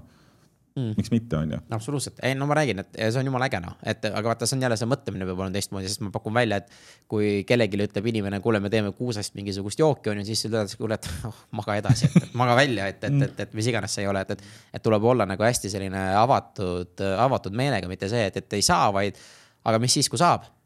just, ja siis see asi levib jah, et äh, ma arvan, et see on nagu hästi-hästi hea. kuule, aga siin on õige koht, kus me paneme siukse punkti, et ma küsin sult küsimusi, mis ma ka testilt küsin. sina kui ettevõtja, no, no ajakirjanik. et äh, mul alati uurin, et kas sul on endal mingi kindel sihuke, kui sa saarega oled, hommikurutiin, vaata, millega sa äh, ennast käima paned ja ma ei mõtle nüüd söömist, vaata. hommik on minu jaoks tavaliselt liiga vara et kuna me tavaliselt äh, lähme hommikuti perega Lahetaguselt Kuressaarde kooli lapse koolipäev hakkab kell kaheksa tavaliselt, mis on täiesti ebainimlik, ma ei, ma ei saa aru, kust siuksed asjad veel endiselt, mingi tehasetööstuse ajastu jäänuk. ja minu parim tööaeg on kuskil, ma arvan, et kella üheksast kella üheni õhtul, siis need asjad ei lähe nagu eriti hästi kokku. et äh, tavaliselt ma olen väga unine hommikuti mm. kella seitsme järel, kui me kodust välja sõidame, et jõuda Kuressaarde kooli aga siis, kui tagasi tuled ähm,? tavaliselt ei tule tagasi, lähen kontorisse ah,. et okay. kas koera ko,, kas koeraga või ilma, aga meil on Kuressaares selline tore koht nagu Edu kontor mm., mis on põhimõtteliselt nagu kõik teised vabakontorid üle või ühiskontorid üle kogu Eesti äh,. kohvi kulub hommiku juurde. No, kohvi läheb see vist. kohvi, kohvi, kohvi liigutab, no, kofeiin. Ei, ma kujutan ette, ei, ma olen nõus selle kooliga, see on kuidagi jah, sihuke väga robustne süsteem, mis äh, aga no sellest tuleb eraldi, eraldi podcast, teised, teised juba teevad, et ma ei hakka äh, siis järgmisena ma küsin, kas on mingi teema või midagi tahaks rõhutada rohkem veel, et, et millest me ei rääkinud üldse või sa tahaksid, et lihtsalt nagu informatsioon või alustavad ettevõttel või mis iganes see võib ka olla? No ma ei tea, meie vaatevinklist ma ei rääkinud mm. nagu üldse meie kõikidest lähema aja plaanidest, aga, aga mm. ma arvan, et äh, lähete lahendake.com lehele või lahendake Facebooki lehele ja leiate need infod ise ülesse et äh, mul on kaasas siin muideks sulle maitsmiseks, aga mm. ma, ma ei tea, kas me leiame siit toonikut. meie uus, uus äh, jook äh,, mis on siis ilma alkoholita džinn mm. Ja see ja siis meil on kindlasti plaanis mingil ajal ühisrahastuskampaania ja see on kindlasti teema, mida sa oled mõnes saates põhjalikumalt kajastanud, et ma olen nagu läbi elanud äh, sellise pikema protsessi erinevate platvormide valiku mm. ja erinevate kampaaniate ehitamise ja kogu, kogu selle poolega. Viimase aasta jooksul olen tegelikult väga palju aega kulutanud ja raisanud sellele. Mm et äh, ettevõtted, kes tahavad ühisrahastuskampaaniat teha, siis nagu on Tarmo õige, õige inimene, kellega. kelle nõu küsida või, ja kõik inimesed, kellel on liiga palju raha ja kes tahavad investeerida kihtidesse ettevõtetesse, kes välismaa, välismaadel, välisriikides kasvavad, siis mm. oodake, lahendage kampaaniat mm,. no vot, on ju, siis on teada vaata. siis äh, järgmisena ma küsin, et äh, kui sa peaksid tagasi kooli minema ja õpetama mingit ainet, mida sa ei oska, mida, mida sa tahaksid õppida, õpetada? õpetada midagi, mida ma ei oska, see on küll väga rumal mõte, aga. ei, see on, see on see, et, et kus sa näed, et ise nagu sind pakuks huvi, aga sa ei ole selles ekspert, siis tähendab mm.. hetkel, aga sa tahaks ise arendada selles ja samas ka õpetada nagu põhikoolis või no,? selle, selles mõttes ma arvan, et nagu eriala või asi, mida tegelikult koolides veel no, Eesti, Eestis niimoodi. täna kuigi palju õpetatakse, aga mida võiks palju rohkem õpetada, ettevõtlus. ma näen, kuidas meie tütar, kes on nüüd neliteist mm., neliteist just kuidas ta meie kõrvalt õpib mm. ja jälgib, mida me teeme ja mm. kuidas me teeme ja, ja nii edasi ja et selles mõttes ma arvan, et nagu Eestis on juba igasuguseid kooliettevõtete loomise programme ja selliseid asju, aga ma arvan, et tegelikult see on nagu sektor, mida, mida võiks koolisüsteemi veel palju rohkem sisse viia mm. Uh, ma ei läheks kooli õpetama matemaatikat või midagi muud sellist, ma loodan, et seda vähendatakse koolisüsteemis, see on rumalus, mida neile seitsmendas klassis näiteks tänapäeval, mida nad peavad tegema päevast mm. päeva, et asjad, mille jaoks on telefonis on arvuti, seda ei ole vaja käia nagu kuude kaupa iga päev läbi üha uuesti ja uuesti ja uuesti, noh, see on hullumeelsus. ja pigem seda suhtumist, on ju et äh, ma arvan, et see on jah sihuke, et, et noh, ma, mulle meeldibki nagu uurida, mis nad on, et siin on tulnud väga põnevat füüsikat, nagu mõned ütlesid, tahavad rohkem näiteks, et õpetada, sest et äh, tundub väga huvitav ja kõik on tegelikult füüsikaga ja füüsikaga seotud kõik asjad, mis nagu maailmas tegelikult toimuvad, kõik, miks ilm mm. sihuke on, kuidas kuidas äh, marjad ja millises olukorras on paremad, on ju tegelikult osa on noh, et ongi, mis see temperatuurid on, ma just kuulasin äh, TED Talki ühte, seal jälle räägiti, et kõik on kõik on keemias et äh, ongi, et meil ei ole näiteks telefonid ja selliseid akusid nagu on, kuna keemilised äh, elemendid pandi kokku, et suudab rohkem energiat saavutada, on ju, ja siis hakatakse mass toimuma, mis on nagu hästi põnev, minnakse nii nagu. noh, need on asjad, millest me ei mõtle vaata palju. muidugi, aga ma, ma kardan, et ma, ma olen humanitaar oma loomuselt, et ma läheksin õpetama ajalugu või asju või ma ei tea, kirjandust või asju, mis tegelikult nagu ma ei tea, aitavad mõelda võib-olla või aitavad maailmast aru saada rohkem kui vahest keemia või matemaatika mm,. ei, see on väga-väga lahe äh,. nüüd ma küsin ka sinu, sina kui ajakirjanik äh,, mõtlesin, et äh, kuidas sa tänase saate küsimuste ja selle tempoga rahul oled jäänud äh,? suhteliselt hästi, selles mõttes, et ma arvan, et sa oled seda piisavalt palju teinud, et sa tegelikult viid asja edasi hästi loomulikult. sul, kui sul ka on ka mingisugune struktuur meeles, kuhu sa tahad jõuda või millest tahad rääkida, siis sa tegelikult ei kiirusta sellega, sa lased inimestel rääkida see on nagu väga positiivne. Äh, ja teine probleem, probleem või, või tähelepanek, et äh, õnneks sulle endale meeldib ka rääkida, ma ei ole pidanud kogu saadet rääkima, nagu sa saate alguses mind hoiatasid ma, ma, ma loodan, et lihtsalt liiga palju teinekord, et mul on, mul on see probleem, et tagasi hoida, vaata. aga aga aitäh, väga lahe, mulle meeldib tagasisidet küsida kohe ka, sest hästi paljud äh, saatekülalised on, keda ma pean kutsuma, siis nad ütlevad, et äh, mul ei ole midagi rääkida, vaata, või ma ei tea, kas ikka Oi. tuleks ja see on. ma võiks veel rääkida kaks tundi, mul ei ole mitte mingit probleemi rääkida. mul on sama teema meil lihtsalt stuudioaeg mm. läheb peale, kuule, aga super, et äh,. Äh, viimane küsimus on veel, et kuidas mina ja me kuulajad sulle kasulikud saavad olla, see juba osaliselt tuli juba ühes küsimuses, aga pane veel uh jaga, tähendab, et minu meelest nagu, kuidas üldse me kõik saame üksteisele tänapäeva maailmas kasulikumad olla ja mis ei nõua mitte mingisugust ponnistust, jagage sõprade asju, jagage tuttavate postitusi, pange neile südameid, mis, mis iganes asju, mis tegelikult teilt ei nõua mitte midagi, aga seda inimest või nende et, väikeettevõtted võivad jube palju aidata. et noh, see Dmitri Demjanovi näide, noh sõnum jõudis Prantsusmaa kaudu Gloria restorani no,. Mm. ta, et see ei ole nagu noh, see ei ole nagu loogiline, see ei ole asi, mida sa võid kirjutada endale äriplaani. tegelikult sõnu, see, et su sõnumid levivad, et noh, aidake inimesi sellega, et like ite ja jagate nende postitusi. Mm. see on minu meelest nagu kõige, kõige konkreetsem asi, mida ilma igasugust, ilma kopikatki kulutamata võivad kõik väikeettevõtjad või suurettevõtjad üksteise vahel teha, et see aitaks maailma kõvasti edasi. ja, ja ei, see on väga lahe, kusjuures see on põnev teema, sellepärast et äh, mul just keegi ütles ka, kuule, et, et kui sa tahad, et äh, su ette, sõbra ettevõte paremini läheks, noh, et just alustav, kui on juba mm. kaugemale jõudnud, siis on okei okay., aga et ära küsi soodusi sellepärast, et äh, see on ju tema marginaal või see, et või anna tasuta, on ju, et, et, et äh, no nüüd ma jala, nüüd ma lasen endale jala kuuli, vaata, et ma, kui saade lõpeb ära, siis ma hakkan sult kohe jooke välja timmima, vaata, et anna tasuta aga, aga tegelikult, kui juba nagu ettevõte on alusfaasis, tegelikult kõige suurem abi, mis te saate tegelikult olla, ostke neid teenuseid, ostke neid tegevusi nagu täishinnaga, vaata, et mm., et äh, see on ju tegelikult see toetus näitab ette, isegi kui on valus või noh, mis iganes, aga iga mm., iga sihuke Mm, asi aitab ikka päris palju. loomulikult, ma olen nagu täiesti nõus sellega. On... iga, iga klient on loetud, noh, loomulik ju. eriti alguses, noh, et kui mm. sa oled juba mingi kaks-kolm aastat toimetanud, on ju, et, et. teed juba ja... korralikku kasumit, siis, siis küsi ja. nagu, et kuule, ma ostsin sult alguses nagu hästi palju, et kas kümme protsenti oleks nagu okei okay, sõbra hinnaga, et noh no tavaliselt on äh, väikeettevõtjad ja startup'id, nad teevad ise tegelikult juba, näe, kuule, et sa oled, sa oled olnud, on ju, aga kõik ei ole, see siis on okei okay tegelikult küsida või, või, või küsidki, näe, kuule, annad, annad mingi kasti tasuta või mis iganes mm, -hmm. sa teed mm -hmm. nagu hea rõõmu, et, et sihukest üllatust tuleb teha. aga alguses just on nagu, sest kõige hullem on see, et, et perekonnatoetust on hästi raske saada, et, et oo oh,, teed jälle ettevõtet, no see läheb jälle metsa, et noh. no ja sõpra, sõbrad ka vaatavad sellise pilguga, et okei okay,, jälle, no, lähe, jälle läheb, noh, jälle läheb, vaata on ju. aga siis miks mitte nagu toetada, et, et selles mõttes, kui sul on mingi noh, ja see oleneb ka loomulikult teenusest või sellest, aga mis iganes ta on, et, et äh, vahet ei ole, kuidas on ju, aga see teeb ikka nii kuradi meele, kuradi mõnusaks, kui sõber ütleb, kuule, näed, et ma rääkisin sinu sellest ja soovitasin sul seda, on ju, et.